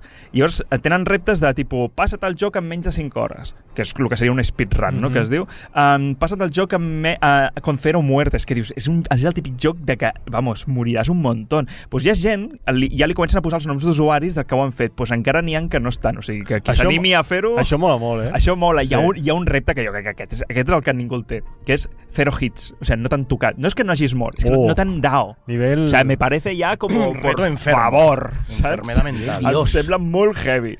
Llavors, res, um, per tancar aquest, aquest videojoc, uh, tenen un joc molt semblant a un altre estil, no és el Metroidvania que dèiem, és un altre que es diu Roguelite, que es, us explota el cerebro ja tants, tants conceptes, però Roguelite és, és allò de les... De, le- u- Hades és un Roguelite. Tío, se nota que eres de otra generación, ¿eh? Me cago en la puta. Estás en plan... No, no, no, però tenen un joc que es no diu... me hagas ghosting, tío. Sí, sí. Ficarem un dia, al urdu. final acabarem publicant el diccionari d'empanada, es no? que tiro más de urdu y persa, como Sí, dice aquí. exacte, exacte, que és muy... muy, Muy, vamos, una modernidad. Sí, sí, però uh, tenen un joc molt semblant uh, a lo que dèiem d'Hades, que són aquestes mazmorres, és a dir, que tu cada cop que, que mors i comença el joc de nou, t'has quedat certes habilitats, però el joc és completament diferent. És a dir, tu quan entres a la primera sala és diferent a l'anterior. O sigui, l'anterior cop que has entrat a la primera sala, no? Um, llavors tenen aquest joc Suma Eterna i fa molt poquet han estrenat, ai, han anunciat que faran la segona part del d'Eterna Noctis i jo, la veritat, li tinc unes ganes, vamos. Yo, Paul, tío, eh, estoy leyendo una cosa. eh, me podría poner las, ¿no? las gafas de, de pasta Sí, y sí. hacer ver que, que lo digo yo, pero no. Lo que dicen aquí es que lo peor del juego es que tiene un frame rate variable. No, esto me vas a explicar qué Sí. es. Que tiene los tiempos de carga. Ah, los tiempos de Eso carga sí se hacen pesados. claro, claro. Se hacen pesados y que tiene algunos fallos de diseño que, que empañan la experiencia, ¿no? Jo, jo aquí no li trobo tant, amb tot això que diu, perquè jo també he jugat a la Play. Els frame rate és, el, la, és, és com los Flamerrate. frames. És el, són els frames, és a dir, els fotogrames per segon que tu experimentes. Vale. En el videojoc acostuma a ser, i, i, i més quan ja estem a, a, a, nivells de Play 5 i, i ordinadors super totxos, la gent el que busca és un mínim de 50-60 fotogrames. Hi ha jocs que corren a 120 fotogrames per segon, que són els de, de disparos, sí. perquè tu Mm. estiguis no, constantment tot enfocat i tal, no? En aquest joc, la veritat és que jo tampoc no li demano a aquest tipus de jocs um, 2D un frame rate Mm. de 120. Quines Vull dir, plataformes està? Uh, està per ordinador, per Switch, per Play i no sé si per Xbox, O sigui, suposo que última sí. generació, eh? Sí, sí, ya sí. os lo sí, digo sí. yo, mira, que si yo no he entendido. Ni- Nintendo Switch, PC, PS4, Xbox One. Ja ho he dit tot. Mm. Vale. Clar. És que te- bueno, maestro. destacar, l'únic que sí que l'han destacat és eh, els premis que hi ha espanyols de, de 3D Juegos a millor joc espanyol. Així, així com a, no va anar ni als Game Awards, no hi ha hagut gaire revuelo i m- m'estranya perquè és un joc que la veritat ha, ha creat una base de fans bastant, bastant bèstia. D'això ens anem a una altra base de fans bastant diferent, que és el llibre. Ens anem al llibre Brillo, que aquest sí que l'he portat amb... Però I que- brilla, I brilla, i brilla, el llibre Brillo, ¿vale? és, un, és un llibre que, que sí que és veritat que és de 2020, però no patiu que la traducció ha arribat a 2022. Ah, no, no, no, no. Ha arribat al 2022. Es como las pelis, se rodó hace dos años, pero ha llegado ahora, tío. Pues um, és un llibre uh, de la mà de Raven Leilani, Leilani, Leila. Vale? És la Leila, I, uh, uh, I la traducció, que més m'ha semblat, o sigui, crec que està molt ben traduït per Laura Ibáñez i publicat pels grans Blacky Books. Que és, això ja és marca, o sigui, si algú publica Blacky Books és que normalment són coses molt bones. La empresa de Blacky Book la veo siempre que voy a Montserrat, ¿no? Cuando voy de guía a Montserrat, vas por la... ¿En serio, no lo has visto? No. Vas por la... la autovía, no, por la 2, perdona, vas por la 2, en paralelo al Llobregat, y están ahí. Ah, hòstia, no ho sabia. De puta idea. Hòstia, però està al costat de casa meva, això. Vamos, venga. Vaya, vaya, vaya, Vamos vaya. Hauré d'anar a fer una visitita. Brilli, brilli. Què és Llavors, esto del brilli, brilli? exacte, doncs Raven um, és la... eh, De fet, ella ja havia publicat a moltes revistes, o sigui, com a... És que, a més, molt jove, o sigui, estem parlant de que té 20 i alguna cosa, aquesta, aquesta escriptora. Uh, ja des de jove havia publicat a The, The Yale Review, uh, bueno, jo què sé, a The Cat, New England Review, o sigui, a diferents publicacions, um, i Brillo, i això és lo interessant, és el, el seu debut. O sigui, això és el primer que ha fet a nivell de novel·la i és una passada perquè és, vaya, debut. O sigui, aquí no estic dient que sigui una cosa underground en el sentit de, bueno, no ha tingut repercussió. N'ha tingut. El que passa és que arriba ara aquí a Espanya jo crec que no, no s'ha conegut massa. Uh, Premis Kirkus for Fiction, Center for Fiction Novel, National Books Critics Circle. Uh, bueno, és que té mogollon de premis a nivell uh, americà i anglès, ¿vale? però es considera, aquí viene, eh, el, el debut més brillant de l'any i és el llibre preferit de Barack Obama. O, o, o Game. De, de, Barack, de. Barack Obama, ¿vale? O sigui, de, del 2022 es el preferido, ¿vale? O sea, Que flipa. sea una escritora afroamericana no tiene nada No. que ver, chicos. No, no, no. ¿eh? Aquí Tenedlo també entra, claro. aquí entra, aquí entra també. És, és eh, a part de ser afroamericana, joven, eh, en una Amèrica... De, Pensava que dels- anaves a dir hot. Hot, también. No, però, permitido esto. Um, però, però a més, vinculada a certs, ara veureu per què, a, a certa white trash americana, no? O sigui, a, a aquesta, el que se'n diu aquest concepte del white trash és el, el, a, la gent blanca benestant, de les casites apareades, amb- no? Aquest, el Però quan típic diuen americà... white trash, moltes vegades el que estan parlant és d'aquesta... Collons, que també hi ha una realitat blanca de gent... Sí, jo crec que tira més Ah, per bueno, la, la classe de del redneck del Ah, vale, vale, vale, vale. de que se Bueno, endogàmia entre no, no, primos... el Dave Chappelle de- sempre parla d'aquests white trash. Vale, de com vale. ell va créixer en un lloc que els jonquis eren els blancs. Vale, vale, Saps? vale. Sempre... Bueno, pues no volia dir això. No, pues nada, que cambiamos. Vale, no, no, no, però llavors, eh, té bastant a veure, en algun sentit, a, a autodefensa, i no perquè salgan gordos, sinó perquè eh, eh, es parla molt, es fa molta apologia de com, com és ara actualment, eh, com, com és jove, entre cometes, Claro, ¿no? esto, esto, lo que tú sabes, que no Claro, sabes. yo que soy el joven. Es que he desde, de decir- desde hace 10 años soy el joven. 26 de agosto de 1990, ¿eh? Sí, sí, sí, sí, escritora, més, ¿eh? ella és més gran, o ella més gran. gran que tu, eh? És més gran que jo. Clar. Mesos. Ah, clar, clar. Però uh, és una novel·la brillo amb, amb, amb es nota que hi ha tintes autobiogràficos um, i sobretot és un mix de, de jo crec que ja no temes sinó grans, aquells tòtems no? de temes que és generació millennial, per això us deia el tema autodefensa uh, sexe, el desig, la raça i les classes socials, però és que no només són aquests els temes potser principals de, de la novel·la, uh, sinó que hi ha grans debats, perquè el més interessant és que tu que deies, no?, uh, uh, afroamericana i tot, jove, Uh, hi ha grans incoherències que també trobem a autodefensa. És a dir, quan les dues noies blanquetes de classe bien, més o menys, saps? Allò que, que, que se'n surten a la vida i que surten molt. Econòmicament. Sí. Um, sempre hi ha aquests, uh, no? aquesta dualitat teva de, vale, però jo soy feminista, però alhora, jo, si jo vull fer això, esto és antifeminismo, no? Pues ella s'ho planteja de llibertat sexual no? i personal versus sugar daddies, per exemple, que aquí és el Clar. gran tema del llibre. Ara, ara entrarem a saber de què va aquest llibre. Eh? Lluita racial contra discriminació positiva. Per què? aquests dos grans temes, no? llibertat sexual i lluita racial. Doncs perquè la protagonista és una dona negra de 23 anys, que és artista en realitat, dibuixa, però ella està com eh, tancada a una mena de feina que, que és coordinadora, sí, a una editorial, però és coordinadora de llibres infantils, i, i allà pues, està bastant eh, estancada, sap perfectament que està ocupant aquell lloc com a discriminació positiva i la va aprofitar, és a dir, no tenim una negra joven, pues vente, ¿vale? O sigui, com un rotllo així. I llavors aquí també entren molts debats que ella mateixa genera, no?, durant el llibre, de, hòstia, en plan, jo, so, jo no? Rosa, Rosa Parks, què diria sobre, ¿sabes? No? Aquest rotllo així. Però... Um, ¿Qué pasa? La fan fora de la feina, más que nada porque se ha, se ha ido la cama con todo el mundo, con també un dels mm, jefecitos, llavors per um, històries uh, l'acaben xutant, ¿vale? Uh -huh. Llavors, uh, ella, amb tot aquest background també sexual, um, eh, se saca, per dir-ho d'alguna forma, un, un amant, però dona la casualitat, o no, o buscat, això és el que anireu veient durant el llibre, um, que és un sugar daddy, entenguem sugar daddy com aquella persona gran, normalment, de, de, o sigui, un amant amb diferència de... Què, què fas de moviment? Ah, vale! Jo dic, que, que, Pasta, la pasta, sí, sí. Sí, sí, ah, exacte, que te, que, que te coste a la vida. Que te no, mantenga. Exacte, que et manté, no? Uh, en el seu cas, el curiós és que aquest, aquesta mena de man sugar daddy és, a part d'un home més gran, òbviament, d'uns 50, um, blanc... Ah, és blanco! És blanc. Està casat, matrimoni obert, però amb una filla negra.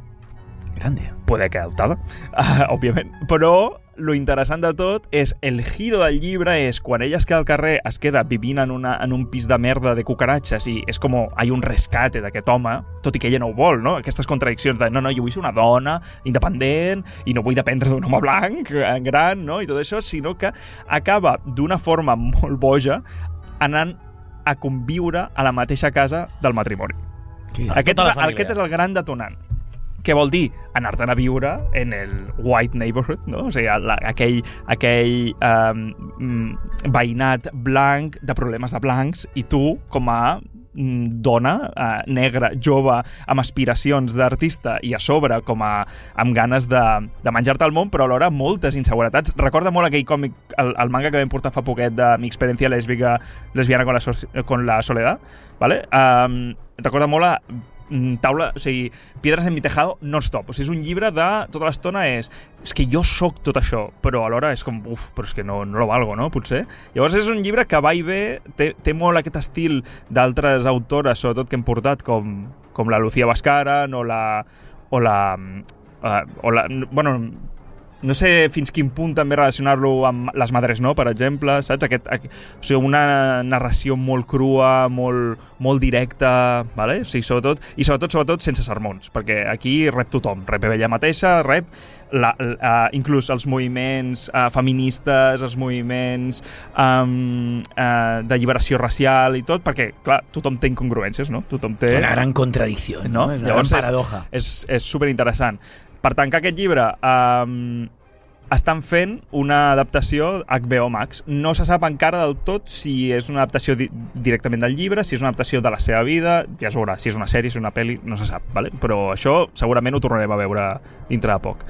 Brillo. Brillo. És curiós perquè a nivell generacional, això que deies de la relació amb autodefensa, em Mhm. sembla que, que està sorgint com un moviment de d'autoqüestionament, no? De, de dir, tinc uns principis molt Mhm. ferms, tinc un ideari molt clar, però jo mateix no sé si sé, sé jugar amb les cartes que m'ha repartit aquest joc, Mhm. no? I em poso en dubte tot el que estic jo predicant perquè no em crec a mi mateix. Sí, sí. Està, està, sembla, sembla en algo generacional. Bueno, es que no? todo Està convertint desequilibrio, todo desequilibrio para equilibrarse, primero se va a desequilibrar en la otra dirección. Sí, y sí. ese desequilibrio actual es evidente, junto a un desequilibrio a un pasado. ¿eh? Es decir, vivimos una etapa de dos desequilibrios. Vamos a ver cuándo nos llega la balanza, ¿no? Exacte. La balança ara no ve, perquè ve, us porto un desequilibrat absolut del Bé, còmic. bé, m'agrada, m'agrada. Que, que uh, ja només el nom del còmic uh, ja és una mica... ja, ja, ja juga a favor d'aquest desequilibri, perquè és Sácamelo todo, las tiras completes de Mr. Oh, Pro, Prolapso. Ya no me acordaba. Grande. Sácamelo todo. Sácamelo todo. Llavors, ja la portada ja, ja anirem posant tires còmiques, però és un còmic dels més irreverents que he llegit aquest 2022, uh, de la mà de Guillermo Lizaran. De, de fet, és un, és un còmic, és un webcòmic, és a dir, es van a publicant a Twitter tires i tires i tires i tires, i fins que l'ha recopilat en, en, un, en un còmic físic, diguéssim, no?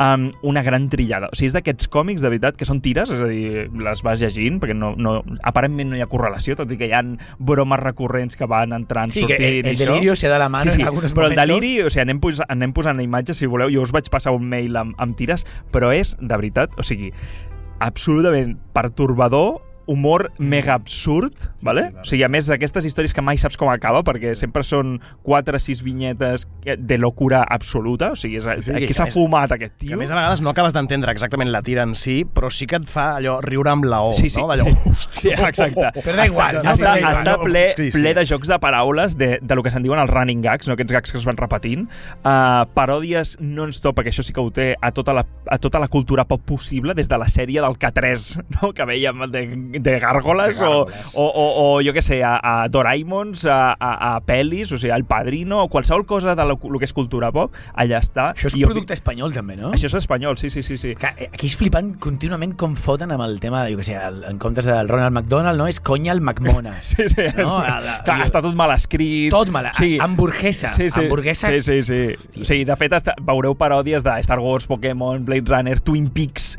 Disney de totes les formes, o sigui, és... és Lo de Gra- Dragon Ball sí está, sí, hay como una gratuidad continua Sí, sí, sí. que no sabes muy bien si está pensada y es una, ¿no? és la gran una fumada. analogía o es És la gran fumada. O sigui, de fet, quan, quan aquest còmic el vaig trobar a Madrid, el vaig comprar i me'l vaig llegir allà mateix i em va agradar tant, perquè només no parava de fer fotos a, la, a les tires per dir, uau, això m'ho he de guardar, uau, i anaves passant i dic, uau, és, que, és que lo tendria todo, no? tota una paret empaparada amb aquestes basures i, i li vaig escriure, li vaig escriure al tio per Instagram i el tio em, i li dic, uau, és que has creat un còmic loquísimo i el tio allà, oh, què dices? Gra-?" El, el tio com no creyent-se que, que tiene lectores, te ¿sabes? mola, te mola. Sí, sí, en plan, te mola estas mierdas? I jo, sí, sí, tio. I llavors, el, eh, o sigui, molt catxondo, i, i sobretot li vaig dir una cosa, que és, és que sembla un còmic de eh, nou concepte al diccionari d'empanada, que és el shitpost.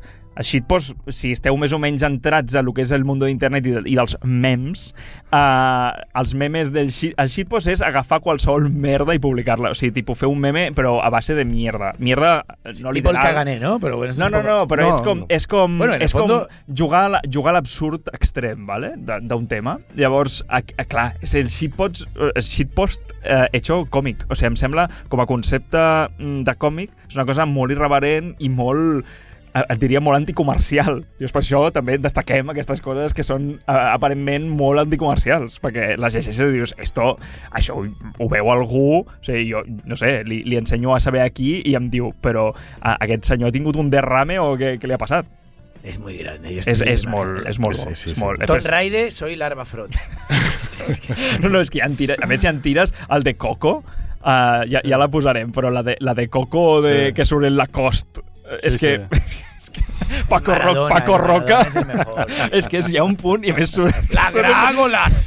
i surt el Mr. Creepy rotllo de màgia és que hi ha coses Però a més a més és perquè sí, perquè Sí, patata. sí, o sigui, és un, sí, sí, sembla sí. una palla, el que dius del shitpost, no? Una palla mental vomitada. Sí, sí, sí, sí, sí, y esto lo publico, si te gusta bien, Ah, si no, exacte. es mi mierda. I, lo, i, i el que s'ha de valorar és que s'ha publicat. O sigui, no és un webcòmic que està en Twitter, sinó que hi ha algú que li ha publicat això, no?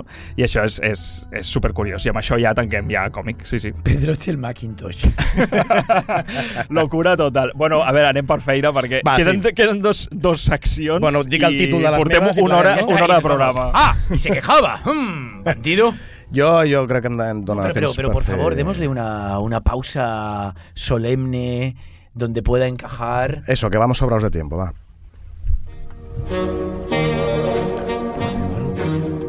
Cinema.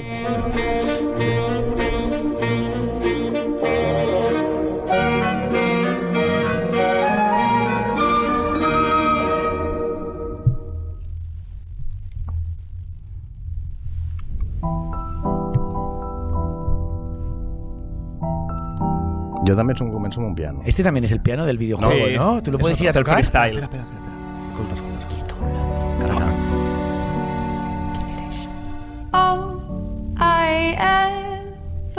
Què us dona això? Tristor, alegria... por, Això, musical a Hollywood, no sé. Mira, doncs no vas gaire desencaminat perquè és una pel·lícula... Jo espero que em digueu que l'heu vist tots, si plau, perquè qui no hagi vist aquesta pel·li l'ha de veure el més aviat possible. De fet, ara està filming i no sé si corria un rumor de que l'havien de tornar a projectar perquè no va arribar on havia d'haver arribat. És la última pel·lícula del Rodrigo Cortés. Ah, amigo. Love Jo- jo- a Room. Jo, Era jo la vaig veure perquè un pesao no para de dir-me-les de veure. Ja sé qui sé, que pesat devia ser. Jo la vaig veure tres cops al cinema. Um, 1942, a Varsòvia, amb un gueto de Polònia, estan els uh, jueus confinats, perquè no es pot dir que estan tancats, estan confinats, estan molt apretats amb un gueto molt estret, i amb, amb els carrerons d'aquell gueto, doncs, simplement del fred la gent va morint pel carrer. Uh, la pel·lícula comença amb un pla seqüència meravellós Mhm. de 12 minuts que et fa acompanyar la protagonista com entra des del gueto, passeja, vigila que no l'atropelli el tramvia, tal, entra per les bambalines per la part de darrere d'un teatre, es vesteix, es maquilla tal, i surt a escena. Sí, sí, no són els 12 minuts de 10 de, de 10.000 quilòmetres, que és una casa. No, no. No, no, és, sí, sí. és com los hijos de los hombres, un poco. És un, és un pla seqüència que pavello, que pavello, que és tremendo. Vale? És una pel·lícula Y entra, entra en escena y entramos con ella. i ¿no? entramos con Entramos. ella i llavors ja està allà el pla seqüència, anem al frontal i la veiem fent, fent l'actuació. Que és una actuació real, a més a més, perquè és una obra de teatre que en aquest teatre, el Teatre Fèmina, del, del Gueto de Varsòvia, aquesta obra es va escriure i es va representar en 1942. El que passa que els textos no han arribat i el Rodrigo Cortés eh, ha recuperat el que ha pogut. Hi havia lletres de cançons, hi havia lletres de text, i entre això ha fet una mena de muntatge de l'obra sencera. La pel·li no és l'obra. L'obra la veiem com a segon terme mm. perquè al final hi ha un exercici molt meta, lingüístic, vale?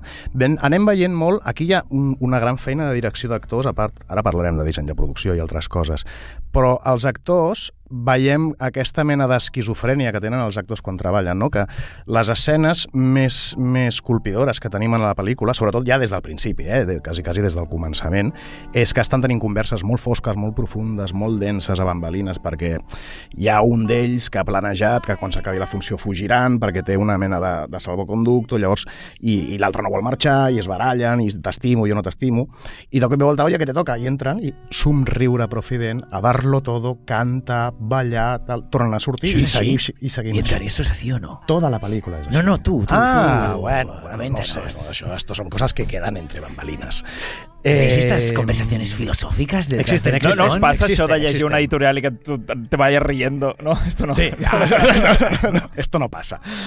Uh, el tema és aquest, és a dir, o sigui, hi ha un, un gran treball actoral, eh? hi ha un càsting molt ben triat, amb actors excel·lents, en, en, de fet, en gairebé totes les disciplines, perquè canten, ballen, interpreten, interpreten teatre, interpreten cinema, perquè no ens oblidem que estem veient una pel·lícula, però l'obra de teatre també la veiem. De fet, la pel·lícula passa en temps real. És a dir, el temps que dura la pel·lícula és el temps que dura l'obra de teatre. I les cançons, per exemple, es van gravar en directe i es va aprofitar el so directe de la gravació. No hi ha un playback, no hi ha una, edi- una edició de so, no hi ha un muntatge. Vale? És a dir, que el Rodrigo Cortés va fer un càsting molt, molt ben pensat, va ser intensiu i va buscar excel·lència a tots els nivells. I és, un, és una... O sigui, tot i... La producció és espanyola, no? És Sí, sí, sí, sí, de fet, de fet s'ha rodat gran... O sigui, a, van rodar a Berlí tres dies. La resta es va rodar a Terrassa, al Parc d'Audiovisual, es va rodar al Masnou, el que és el teatre, és el casino del Masnou, que és, com, és, és on van fer tot el gruix del rodatge, i després hi ha unes escenes també que són a la part del darrere, que hi ha un carreró on també discuteixen quan estan descansant i surten a fumar, que també es va rodar aquí, a Catalunya. És a dir, tota la pel·lícula és, a més a més, en quartos de TV3, amb, amb la ISEC, és, és una producció espanyola, el que passa que està rodada en anglès. És, en sèrio, eh? Jo sé que a vegades, i el Pol em coneix, sóc molt pesat quan una cosa crec que val la pena, em va passar també amb les vestes. Si no l'heu vista, l'heu de veure. Sí, sí, no val molt la pena, eh? És, a més a més, un, una... Jo no sóc molt fan de Rodrigo Cortés. En general, trobo que és un tio que en sap molt de cinema i té una, una cal·ligrafia cinematogràfica molt virtuosa, però no he sigut mai gaire fan... Ara entenc amb aquesta pel·lícula... Aquesta pel·li la va fer ell, ho va dir en unes declaracions, quan estava ja fins als collons de les ingerències de les majors. Va dir, voy a hacer mi película con mi presupuesto, con mis amigos y con el equipo que yo decida. pues, per mi se l'ha tret. O sigui, això és un... És, eh, clar, és que no pararia de fer-li la rosca. No, no sé què més explicar-vos de Oye, la es, per no además es allargar-me. nuestra competencia, perquè- ¿eh? Porque este tío tiene un podcast que se llama Todopoderoso. Sí, hombre. sí, sí, sí, que además es un tío que da gusto oírlo hablar de cine. Sí, pero hostia, ese yo bueno, vamos a dejarlo ahí. No, el programa me cuesta, me cuesta, es un programa que me cuesta. Él domina que te cagas, me encanta cuando abre la boca, ¿no? Pero en general el programa y el tono me cuesta un poquitito. Bueno, és per a públicos. Sí, obvio. Eh, evidentment, com totes les pel·lis del, del Rodrigo Cortés, la banda sonora és del, del Víctor Reyes, que, insisteixo, torna a fer un altre treballasso enorme, perquè si sentim les cançons, les cançons les han composat de zero. Tenien fragments de lletra i han inventat totes les cançons. Ja estan sonant de fons, em sembla que han canviat a la segona, o si vols posar la de Yiddish. És, eh, de fet, la pel·lícula de què tracta? Perquè m'estic enrotllant i ja veig que està mirant el reloj el Pol. La pel·lícula és la primera història d'amor que roda el Rodrigo Cortés. I a més a més és el primer musical que roda el Rodrigo Cortés. I aquí se la saca en tots els aspectos.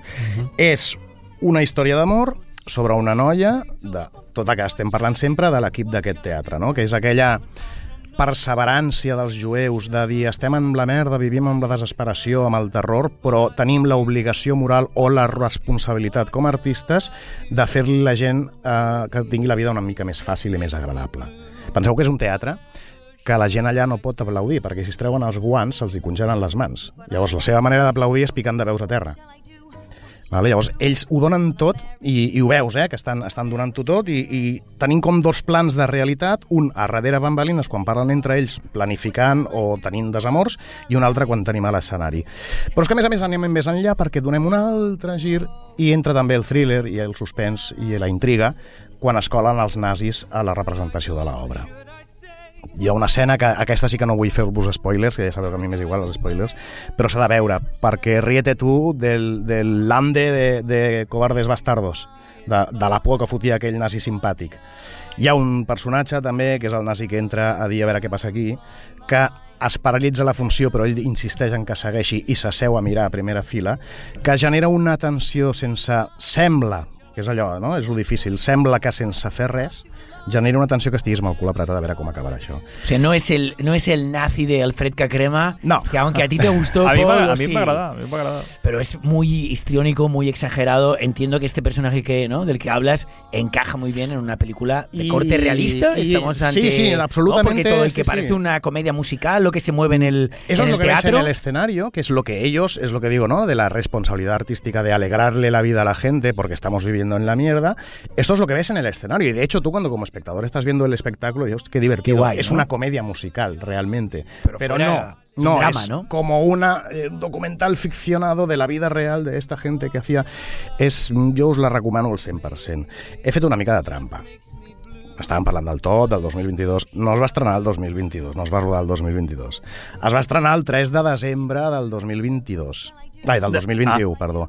Ara, jo la vaig veure al gener, o sigui, com que és el meu top, mm, és, Pues ja és, està, us la traigo ara, és perquè igual. com, com que us estava dient que ho portava coses que m'havien movido la tripa, aquesta pel·li, realment al moment que el dia que tingueu una miqueta de ganes de veure una miqueta una cosa sensible, tendra, mireu-la, perquè és, és preciosa. De hecho, es una peli que parece que, que corrieron a, ¿no? a estrenarla antes de que acabara el año porque participó después en los Goya con El Los Buen Feroz. Patrón, ¿no? Es, es- Ujú. en Los Feroz también, pero es esta película que estaba en el año del Buen Patrón. Sí. Es decir, el año Eso pasado. es, ¿no? eso es. Yo creo que entre esas cosas hubieron muchas películas chulas españolas y eso hizo que pasara un poquito más desapercibida, que es lo que a mí me parece injusto porque creo que es una película que tiene que estar en lo más alto del panorama. Junto a Asbestas, ¿no? Sí, sí, a esa y altura, a esa Cinco altura Lobitos. Alcarrás, estas altura. pelis. El cine español está, Sí, sí, sí, No, no, sí, sí, molt a tope. ¿no? un pel·lículon. I eh, menció especial a l'actriu protagonista, per favor.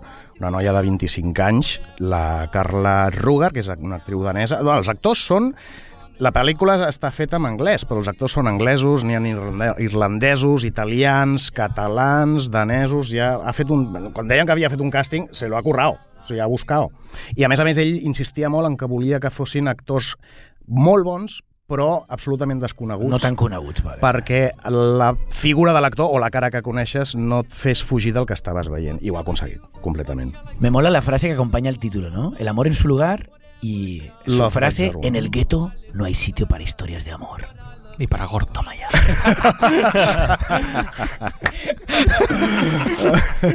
Madre. Buah, es que algunos, tienen- algunos tienen que dejar qué hacer. anticlimático. Me quiero- tiene poca comida en el gote que tu. Bueno, sí, gordo ja el nazi. Clar, a més a més és això, fuig dels, dels clichés i dels estereotips, eh? perquè és, és, no és allò el nazi elegante, rico, bien puesto, no, no, és un... És, un, És que estigui intentant que cap secció se- s'escapi de la mansió espacial. Que el tema de hoy no son los tops. Claro. Hauré de posar un marcador a baix de la pantalleta cada cop que hi hagi una, una faltada i una feina d'edició, no, por favor.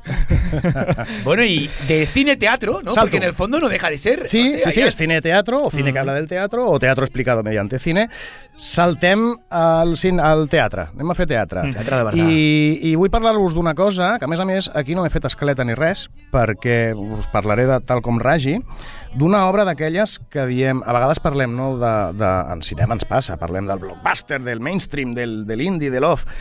O sigui, un altre cop reivindicar l'off. Hi ha teatres petites, com la Sala Pangolín, per exemple, on s'hi fan obres molt xules, molt maques i molt, molt la teva. cuques. Me suena, eh, me suena. jo- jo En ja la- no hi soc, en la jo- Carré Bailén, ¿no? Esto no es autobombo, yo no estoy ahí. Carré Bailén, una, una obra de, de Picasso, No, puede no, ser. això ja passó, ja passó, ja passó. Vinc a parlar-vos d'una altra obra que també porta un temps allà, porta ja uns mesos. Uh. -huh. uh, és Uh, us dic, és un monòleg i diu, ai, no, jo no quiero ver stand-up és que no és stand-up, no és, no és un monòleg de comèdia del típic que sí, uh Mhm. -huh. le han escrito un guión y ha salido allí a hacer chistes, no és una senyora gran, comencem per aquí vale? és una senyora gran andalusa que puja a les golfes de casa seva a posar una mica d'ordre i de cop i volta, mentre es va endreçant, surt una, una figura d'una verge i com que la senyora està avorrida mentre s'endreça, comença a parlar amb ella.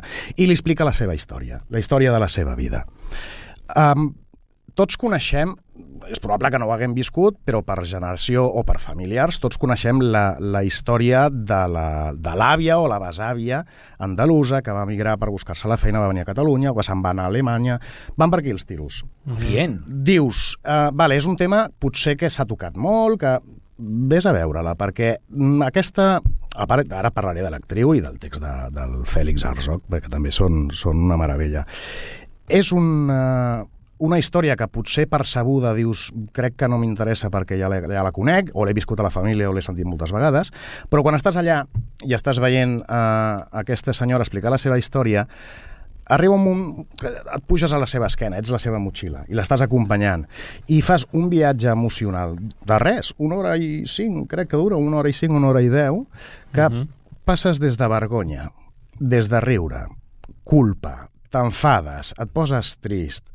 És, eh, de fet, tornem a insistir en allò. Avui, mira, no sé, nos hemos intercambiado los roles. Tu has hablado de superhéroes i jo estic parlant de tendresa i emocions. I és, és un, un viatge en el qual et, et fa, sense que t'ho demani ella, et fa partícip i, i fas, acabes entrant en el seu personatge.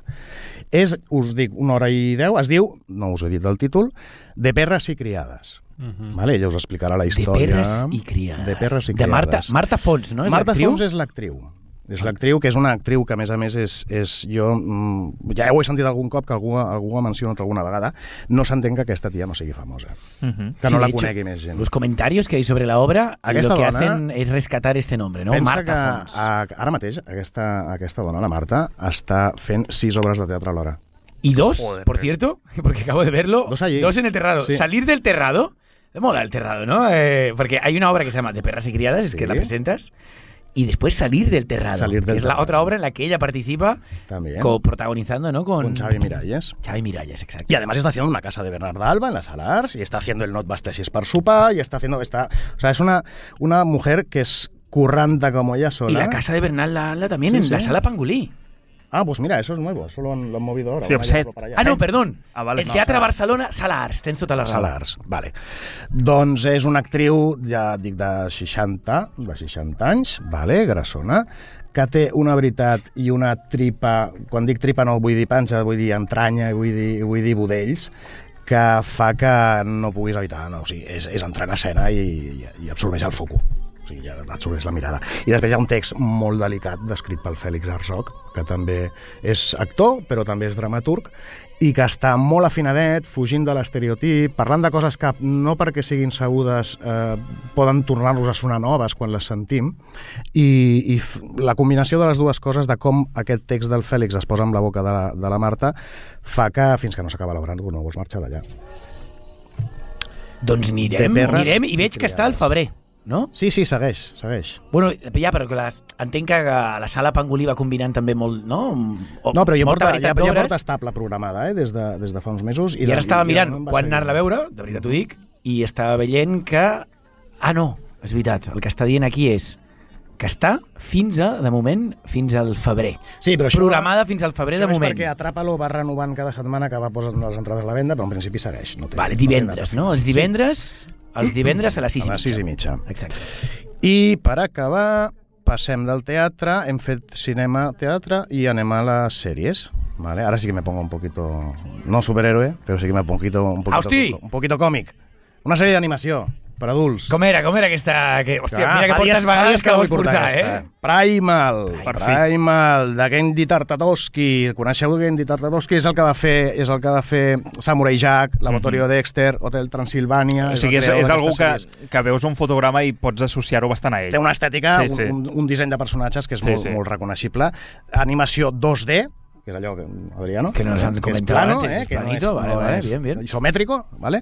Eh, I la història és, és per adults, eh? Això és una producció d'Adult Swim, que és aquella escissió que va fer als anys 2000, a principis dels 2000, em sembla, de la Cartoon Network, que es van inventar aquelles sèries tan destraleres, Sí, sí. i van començar a absorbir també sèries caigudes d'MTV, com els Bibis and Butthead i companyia. Mhm, mhm. Eh, amb banda sonora de Tyler Bates, por favor, en pie todo el mundo. És la història de la llança, Spear, a l'original, que és un, és un home primitiu, un home de les cavernes, i The Fang, l'ullal, que és un tiranosaurus rex, que es diu així perquè té un ullal que li és, és sobredimensionat, que li sobresurt molt.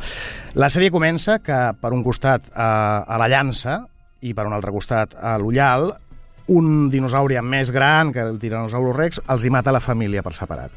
I es troben en el camí i decideixen fer equip per destruir aquest monstre que els ha matat els dos i a partir d'aquí tot comença, això és el primer capítol, eh? no és spoiler, eh, és un, que per cert és un capítol desolador a nivell emocional també, hoy estoy blandito, eh? hoy vamos a acabar llorando. Eh, acaba el capítol que després d'unir forces decideixen que no hi ha res a fer a la vida, que, que, que el món s'acaba, que no tenen, no tenen, ja no els hi queda res pel que lluitar, i es fan rodamons. Mm, Ja decideixen anar viatjant pel món eh, eh, lluitant per sobreviure, perquè la, la natura Mm. salvatge és implacable i aquí no hi ha ni bons ni dolents, ni héroes ni villanos, aquí l'únic que hi ha és una cadena alimentícia. Survival. Doncs, a partir d'aquí comença la sèrie. Us he explicat mm. el capítol 1. La sèrie té unes animacions, té una paleta de colors, té una banda sonora que... Jo, jo, jo ja us dic que la primera temporada la van estrenar el 2021, a, a, durant la pandèmia van penjar cinc capítols de cop i després en van penjar cinc més, els vaig veure del tirón. I aquesta sí que entra, no he hecho trampas, Sí. perquè la segona temporada l'han estrenat ara al setembre del 2022. S'ha HBO, acabat, no? Ja sí, HBO? S'ha acabat, eh? Són dues temporades de 20 minuts, de 10, 10 Hòstia, capítols, això- 20 capítols de 20 minuts. Li tinc, li tinc, la tinc massa pendent, aquesta. és és d'aquelles que quan us deia allò de hòstia, són coses que potser s'haurien de conèixer, es mereixen ser més conegudes del que són, he sentit això de, hòstia, aquesta la tinc pendent, Ja. tantes vegades. Als Estats Units ho ha patat, eh? Té cinc Emmys, té i la sonora, i animació, i els, i els Anis, però aquí sembla com que, no sé si perquè està HBO, no sé si és una de les plataformes més fetes servir, però mm, sembla com que no, no es coneix gaire. Bueno, entenc també potència visual pel que he vist aquí, no? Mentre estava Molt xerrant, però no hi ha diàlegs? No, hi ha diàlegs, no, hi ha, ni un sol diàleg en tota la sèrie, tots són crits, rugidos, rotures, no es talla un pèl en... A, veure, ser adulta no vol dir que sigui gore, però clar, la vida salvatge és això, salvatge. És a dir, hi ha sang, hi ha trencaments d'ossos, hi ha coses que les veuen i no es tallen un pèl i no ho dissimulen. Amb dibuixos animats hauria de ser menys, menys agressiu. A la... No, és no. pitjor, és pitjor, perquè és una cosa que a- una, una imatge bucòlica amb una pa- paleta de colors molt bonica, de cop volta se s'espatlla amb, amb la socarroneria que fa servir el, el Tartakovsky. Exacte, Gennady Tartakovsky, no? Tartakovsky. Sí, que, que el veus així amb la llunyania i dius, hòstia, en Tarkovsky? El fill d'en Tarkovsky? Sí, sí, sí, així de lluny, amb dislèxia és Tartovsky, però Gennady no. no, no, no. Tartakovsky. Gendy. Ah, Gendy, és Gendy. veritat. Gendy. Gendy. Sí, fa molt el contrast, això, ara estàvem parlant de la violència, fa molt, juga molt, i, i això, si, si ho vas veient, és recurrent, un contrast molt exagerat entre violència i bellesa. Como la vida misma. Sí, de fet és això. Como la vida misma. I en la vida salvaje no hay finales felices. Mm. No, no estic parlant del final de la sèrie, eh? estic parlant de situacions que succeeixen, que mm, quan passen coses pot ser que es solucionin bé o solucionin malament. Aquests tios són uns rodamons i ho seran sempre i van patint, i van carregant cada cop més ferides i més cicatrius a la, a la motxilla. Molt interessant, És però que, que, sèrie- que, que sàpigues, Marcos, que això va per tu. O sea, lo que ha dicho es no hay finales felices. Vamos ¿no? a verlo. No, como O sea- tu nombre no ha salido hoy en el programa, ya hemos dicho, hostia, a las seis hay que cortar, hay que cortar, esto no puede ser. Si queréis- Esto no puede ser, entonces nada, tú- oye, nos gusta mucho tu compañía. Gracias por venir. Nada, ha traído estos tres vinilos, oye, mirar los títulos. Quedaros con los títulos y pa- los y títulos. Dale, dale, dale, corre, corre. Va, tira. Eh, por casa. favor, Música. pausa solemne, música, acción. Música. Ole, menos mal que es breve esta careta, ¿eh? Sí, voy a tener que hacer una sección No. glitch minimal, eh, alemana. Expláyate, expláyate. Jingles. Necesitamos. Na- nadie tiene que ir a un concierto. Nadie, nadie. No, Paul, siempre puedes. Eh, Sí, que vengan despedirte ellos. en directo. No, no, despedirte en directo. No, sí, no. y me traes tú la, y lo editas Yo- tú. Yo te lo hago y- todo, yo te lo hago, no te preocupes. Vale, va, empezamos con... Yo he hecho un top de tres, tres artistas y empezamos con el tercero, que es Emeka Okbo. Vamos a escuchar un poquito.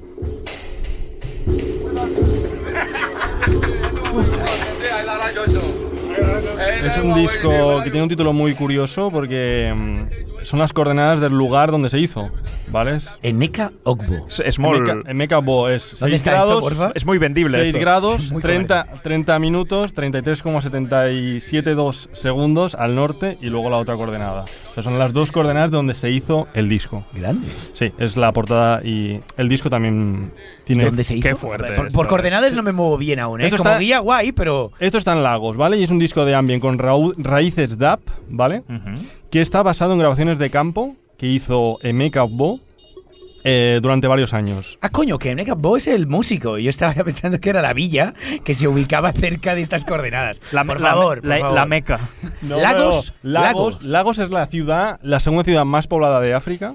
Yo es que me iba para Portugal, ¿eh? Si me dices Lagos. Sí, he mirado datos. Mira, tiene 13 millones de habitantes. eh, esto costaba en 2015. Y es la segunda de todo el continente de África. O sea, es la ciudad más poblada de En las más. Nigeria. Sí, en Nigeria. Entonces, lo interesante de este disco es el enfoque, para mi gusto, que tiene eh, hiper específico. Porque es un disco que tiene como base estas grabaciones de campo. Grabaciones de campo muy curradas, con buen material. Y a mí en la escucha me ha resultado súper cautivadora y envolvente. Es un disco que te mete de lleno en la ciudad. ¿Vale? Recientemente vi una revista que Obbo eh, sacó y decía lo siguiente. Dice, puedes aprender mucho simplemente cerrando los ojos y concentrándote, concentrándote en los sonidos. La energía de la ciudad se obtiene en las estaciones de autobuses y los mercados, porque la masa pasa por estos lugares todos los días. Y es lo que este disco pretende hacer, es decir, sumergirte de lleno en lagos.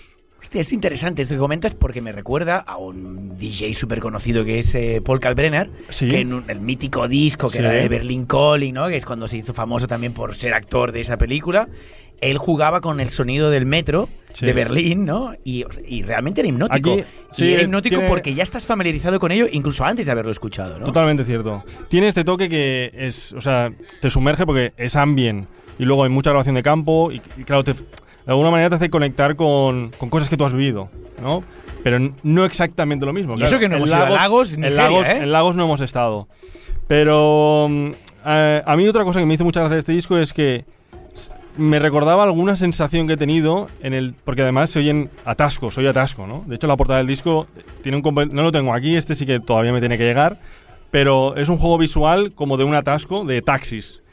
Y me hacía recordar esas situaciones que a veces estás en en un puto atasco de esos de mierda, ¿no?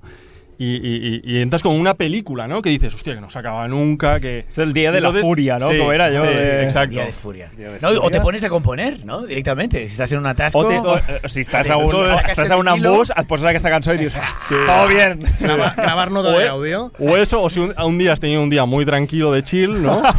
Vamos a joderlo. pues te vas a casa a joderlo, tío. Y dices, a ver, es que hoy no he pasado por Barcelona, no sé qué ha pasado. Pues te lo pones. Y un poco, a ver, yo estoy haciendo la broma, pero conecté ¿eh? con esta idea. Y lo bueno es que es ambient, con eh, grabaciones de campo, pero durante el disco vas viendo que tiene momentos más dense, momentos dub, como este tema, que tiene... Y luego más tribal también. Y es un poco lo que expone Ogbo en, en este disco. A ver, por favor. ¿puedes repetir? Que es muy importante para mí. Tribal, Dance.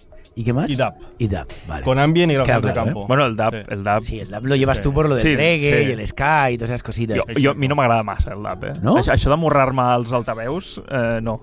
Pero en cambio esto sí que me está... No, perquè el está al, fi, al final, el dub és com, un, com, com, em, és com una reverb constante de, de, de tots els baixos més no, possibles, no? El dub és això. D'aquí surt el- el dubstep també, i tot això és de... No? Però, clar, aquí és molt més, això que dius tu, molt bien, no? Totalment. més envolvent i és, és molt ambiental, envolvent, sí. ho has dit Sí, molt sí, bé. és que el sí, sí. aquest rotllo de... Eh, tot està reverberat. Sí, I al final perquè- arribes a per- un tipus de caos, que és el caos envolvent eh, ambient també, no? El És- dub li deien que com més, com més baixos i més tal, més vibració, per això la gent s'apropava molt als altaveus dels sound systems perquè li vibrava el cos, no? Mhm. Llavors al final és una música que t'entra, bueno, aquí hi ha tota la, la cos. tradició rastafari i tot allò, no? Que és com que el cos viu la música a, a un ritme, és a dir, Clar, una que no és, per, vibració. no és per l'oïda, és, per, direct, és, per És les directament dues. per tot arreu, no? Y eso estaría, ah, esto estaría Marcos en la idea de antitop.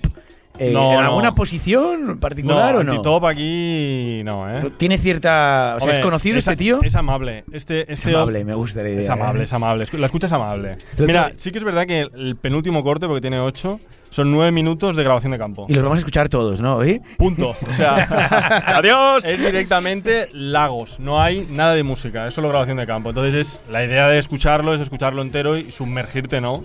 Poco a poco en, en esa ciudad.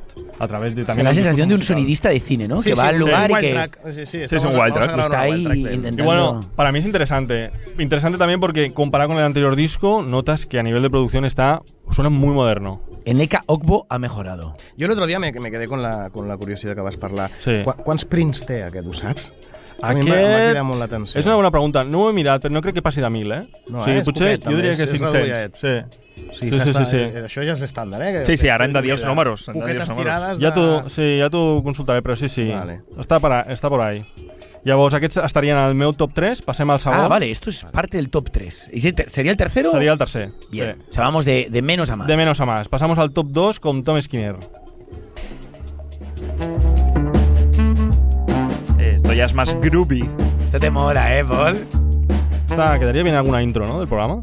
¿Sí? Sí, te, te rollo. Que es- es el hermano de Tom Seymour. Skinner. ¿Eh? Sí, eso es lo que te iba a decir. Yo de Skinner solo conozco a Seymour. no sé si conoces a Bueno, alguno y- más. Bueno, el, el- bueno, sí, ¿no? El Sí, ¿no? Skinner, el, Sí, el- el el- famoso. El, el famoso, ¿no? Sí. El- Bueno, y Tom Skinner, ¿quién es Tom Skinner? Tom Skinner eh, es el batería de una banda que se llama Sons of Kemet, que recientemente pues, se disolvió y que ahora ha pasado a hacer un proyecto este 2022 muy interesante con juntamente con dos integrantes de Radio Hit, Ah, con Tom hostias. York y Coño. Johnny Greenwood. Que son Los los, dos, Sí, sí, que son los dos. Son, Vamos. son- son radio y hit. Son, son ellos dos. Sí, exacto. Lo has dicho perfectamente. Porque son las piezas angulares de la banda, ¿no? Eh, además, en paralelo han hecho bandas sonoras y han hecho un power trio, sacando este, este año un, un discazo. Pero Tom Skinner ha, ha querido ir a más y ha sacado un EP de seis temas, que es jazz contemporáneo, que mezcla sonido tradicional con producción moderna, que la hace él mismo, que es lo interesante de este, de este disco. A mí me ha recordado mucho la producción a discos de hip hop o trip hop de los 90. Este tema en especial suena más clásico, pero el resto de temas, o sea, muy originales, muy recomendable. ¿Qué puedo decir de este disco? De este disco lo que más ha llamado la atención es la inspiración. Se ha inspirado eh, Tom Skinner en dos eventos, para él muy personales, que uno es la escucha repetida que tuvo durante el confinamiento de un disco que se llama By Myself, del 78, de un chelista americano llamado Abdul Wadud. Es un disco que, a ver, eh, hablando claro, es bastante fumada, es complicado de escuchar. Es decir, es un disco solo de chelo, ¿vale? Difícil de escuchar. Ve- venimos de escuchar una calle. Sí. o sea, imagínate, ¿eh? Asústate. Si Marcos te dice esto, No, asústate. es, es co- es- es más. Es complicadillo, es complicadillo, pero está considerado de culto. Y bueno, en Discogs no ha habido repres. Está súper caro este disco. No sé, estaba alrededor de los 800 euros. Coño. O sea, está considerado como de culto, entiendo. Y también nace a partir de otro proyecto que tenía la intención, es decir, de otro evento que vive Tom Skinner, que era un proyecto en el cual ciertos músicos de jazz se reunían para tocar la respuesta a la escucha de un disco. Es decir, Mm. es un, proceso Interesante. interesante, ¿no? Es decir, mm, ¿qué nos inspira este disco? Claro, ¿qué me ha generado la escucha de este Ahí disco? Está, esto pues vamos a, vamos a improvisar sobre ello. Y esto lo hicieron con un disco que se llama Lifetime, de Tony Williams, que Tony Williams es del 64 este disco. Eh, Tony Williams, por quien no lo sepa, fue el primer batería del primer quinteto de Miles Davis, o sea, Mm, es vale. un gran batería y ha sido referencia durante aquella época dorada de- del jazz de los 60 en Blue Note. Y bueno, a partir de ese evento salieron ciertos temas también de este disco o ideas de ese tema, de ideas de temas que Tom Skinner ha desarrollado. O sea, es la contra de aquel disco que comentabas, ¿no? Y, pero llega a aparecer, hay algo de ese disco en la- Eh, Eso es lo interesante, que, que sí, que de los dos discos, si los escuchas, hay cello en el, en, en el disco. Y luego él, supongo, porque él es el batería, Tom Skinner, pues coge influencia un poco de, de este disco de Tony Williams. Es interesante. Con una producción, insisto, ¿eh? muy moderna. Que O sea, es lo ¿tú- ¿Tú bonito. aconsejas escuchar los tres discos?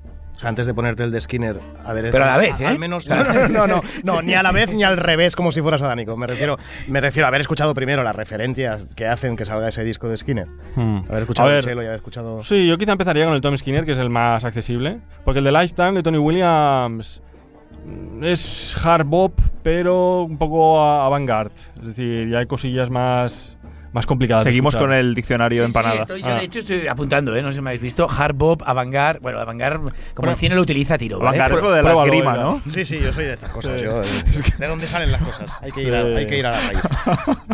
Y bueno, solo una cosa más de este disco y es que el nombre del disco, Voices of Bishara, es un título, es un tributo, perdón, al sello propio de Abdul Wadud, el, el hombre que hemos mencionado, el músico que hemos mencionado, de su sello, que su sello era Bisharra, con dos R's, Records, ¿vale? Mm. Que es donde inicialmente publicó el disco. Pero lo interesante es que Skinner utiliza la ortografía más común de este nombre, árabe, que significa, y, bueno, se come una R, pero que significa buenas noticias o el portador de buenas noticias. O sea, que da buen rollete. Vale, ¿Eh? vale, vale. digo. eh, mi impresión de este disco es, el primer tema es durillo, es decir, es si te lo pones es mierda. ¿Dónde me he metido? Pero el resto del disco es O sea, aguantad o pasad, ¿no? Sí. Vale. La aguja un poco adelante y ya está. Es este de aquí. Que lo pondremos en pantalla porque si no, esto sí, sí. es la antirradio. Gran poca disco. broma, poca broma que ya el disco en sí, el diseño del disco ya, ya, ya te sabes, o sea, te sabes dónde te estás metiendo. ¿no? Voces de Mishara, o sea, Sí, no, mucho no engañan, sí, sí. esta te está engañando. Sí, sí, la locura. Sí, sí. Y el que, hemos, el, el que no tenías antes era el que has mencionado El de, que no de teníamos. Mecha Ogbo. El Mecha Ogbo está por llegar. Y nos vamos al gran. Sí, sí, disco, nos vamos ¿no? al top Y nos one. vamos al top one con Bichimbajas. ¡Wow! Lo tengo en la mano además, ¿eh? Con los colores de Los Ángeles Lakers. ¿Eh? Sí, sí, joder, tío. sí, sí, sí, O, súper- o sí, sí, Ikea. Súper portadón, ¿eh? Sí, es que claro. Me mola, me mola mucho. Y vosotros lo habéis tocado, ¿eh? Que daba- Sí, sí, no, sí, la- da la- una grima que te eh, cagas. Hay que decir que da, da de entera. O sea, saps allò de la, Si lo tocas, el, Toca, el toca vinilo, la- la mira, portada. está muy currado. el papel. Da de entera. ¿Sabes como cuando alguien pasa el- sí. uñas por una pizarra? Pues da Sí. esa sensación. Això, això ho posarem al vídeo, la dentera. Sí, ¿no? Por favor, para que todo el mundo pueda sentirlo. Pero me doy cuenta de que, ahora nos hablas de este Sí. último disco, de- hay, también una intención continuamente en este tipo de música de, de- de abordar lo diferente. Evidentemente lo diferente parte muchas veces de mezclar lo conocido, pero eh, eh, lo ves en todos estos detalles, ¿no? Mm. En, hostia, la presentación estética, presentación visual, el tacto que genera y después, ¿no? Hostia, ya titular, que antes has comentado, ¿no? Un disco con coordenadas. Sí, sí, esto ya me total. parece... Eh, Es demencial, ¿no? Total. Sí, eso quiere Pero decir. esto no, este pero, no. Pero está bien el aporte que has, has hecho, Adri, porque esto quiere decir que, bueno, se hacen cosas novedosas aún ahora Sí, en, sí. en vinilo, ¿no? también. O sea, está bien. O sea, parece que esté muerto y que no. La, la gloria del vinilo es los años dorados de pues, la época que surgió, pero que todavía hay cosas que, que impresionan o que sorprenden. Sí, claro, la, la vida es esto, ¿no? Un gran loop continuo Sí. que, va, que va arrollando nuevas opciones. Exacto. Entonces en Top One he puesto dos discos de Bitchin Bajas. Este es el primero que he puesto, este sería mi Top One. Que inicialmente, aquí sé que hacemos un poquito de trampa como Edgar, es del 2021 en cassette, pero se sacó el año pasado, en 22 en vinilo, ¿vale? Son dos discos eh, de un trío que, de música analógica, ¿vale? Que hace analógica psicodélica de Chicago, ¿vale? Eh, ¿Qué podemos decir de Switch on Ra, que es este primer disco? Switch on Ra es un título divertido, ¿vale? Porque hace referencia a Switch on Back, que es un disco de Wendy Carlos que grabó en el 68 y que se basaba en la interpretación de una colección de piezas de Sebastián Bach, pero con un clásico sintetizador Moog. Mm, Ok. Vale. Eh, ¿Qué han hecho Bitch Han hecho un tributo y dicen, nosotros hemos hecho lo mismo, pero con Sandra. Que Sandra es un pionero del, dijésemos, del... Ah, hòstia, Sant Ra.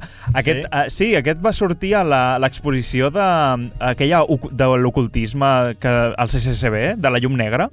El Eh, Sant Ra sí, tenia com mogollon... Hi havia com una... Que, que, quasi un espai per ell sol, no?, de la música, de com tenia aquesta doble intencionalitat més fosca. No? Es que era un tío molt espacial. Sí, sí, Va fer sí. com un jazz eh, espacial. Sí, sí, sí, sí, exacte. Sí, sí. És això com un còsmic... No, no, no, que era còsmic Jazz sí, no? Cosmic Cosmic Jazz. Vale, vale. De fet, el Sí, gran, sí. un disc que és bastant durillo és Space is the Place. Sí, me'n recordo Sí, d'aquest espai. portada, a sí. l'exposició del CCB, va ser, aquest espai de, del Sant Ra era molt, molt heavy. Es como Cowboy Bebop, entonces, ¿no? Es eh, Cosmic És Jazz. un, beach bop, un, bi- un Space. Bebop, no? Space Bebop.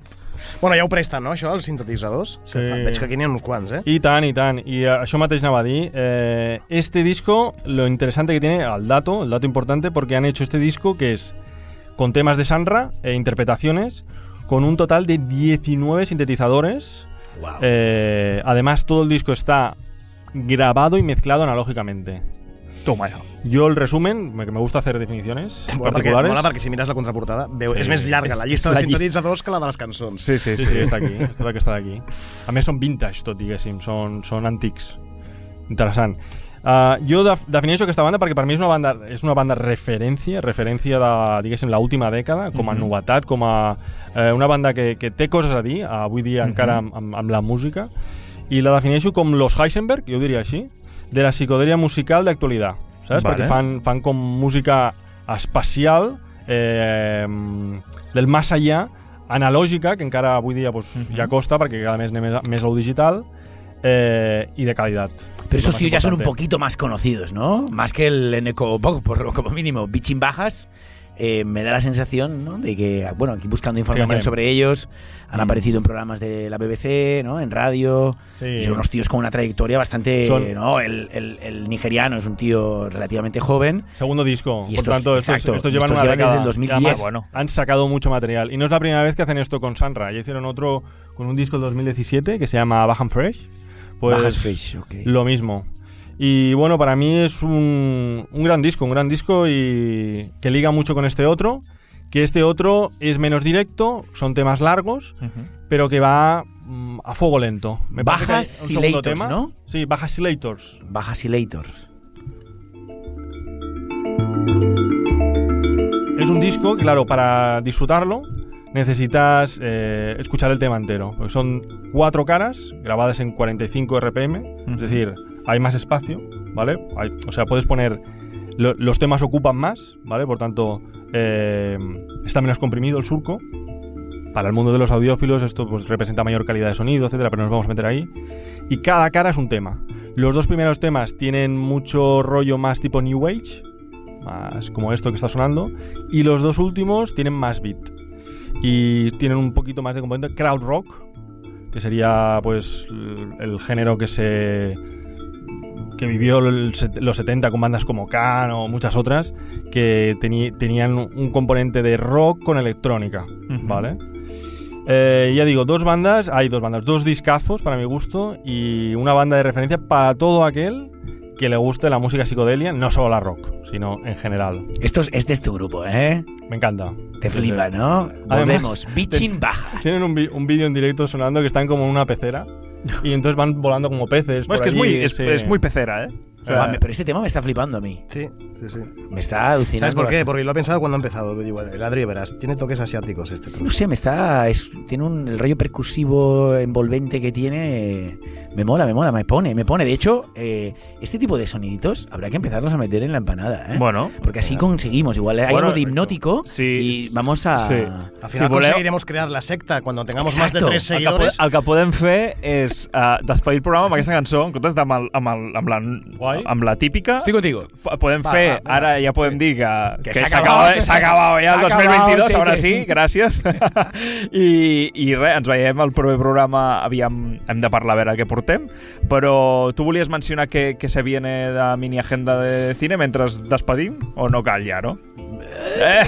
Tu concierto, tu concierto está ahí, ¿no? Yo por mí encantado. No, no, no, yo por Adriano, mí da igual, encantado. Da igual, da igual, perquè hem comentat moltes coses ja. Hem fet, no, no farem el futuro. No, de hecho, la agenda es rescatar todo aquello que Sí. hemos comentado. Sí. No, y deberes. Teniu ¿eh? deures, teniu Literalmente, deures. deberes. Clar, clar, tot del que hem parlat està disponible. Sí, sí. Y yo creo que nosotros acabaremos eh, desviándonos de nuevo hacia el cine con estas realidades que nos acontecen, Gaudís, Sí. Goyas, ¿no? En algún momento tendremos que Sí, sí. sentarnos Parlarem, a criticar Alcarràs. Es decir, en algún momento tendremos que sentarnos. Jo crec que hi ha un programa Echar pecho Alcarràs Asbestas. y decir, exacto, Ascarra, al, Ascarràs. Ascarràs, Alcarràs versus Asbestas. Sí, ¿Eh? versus la piedra. no, eso está No, no acabemos. Está claro. Doncs res, uh, bon inici d'any, ja que ens vam despedir de l'últim programa i fins la propera. Y lo que bien acaba, bien empieza, bien empieza, bien acaba. La vida es...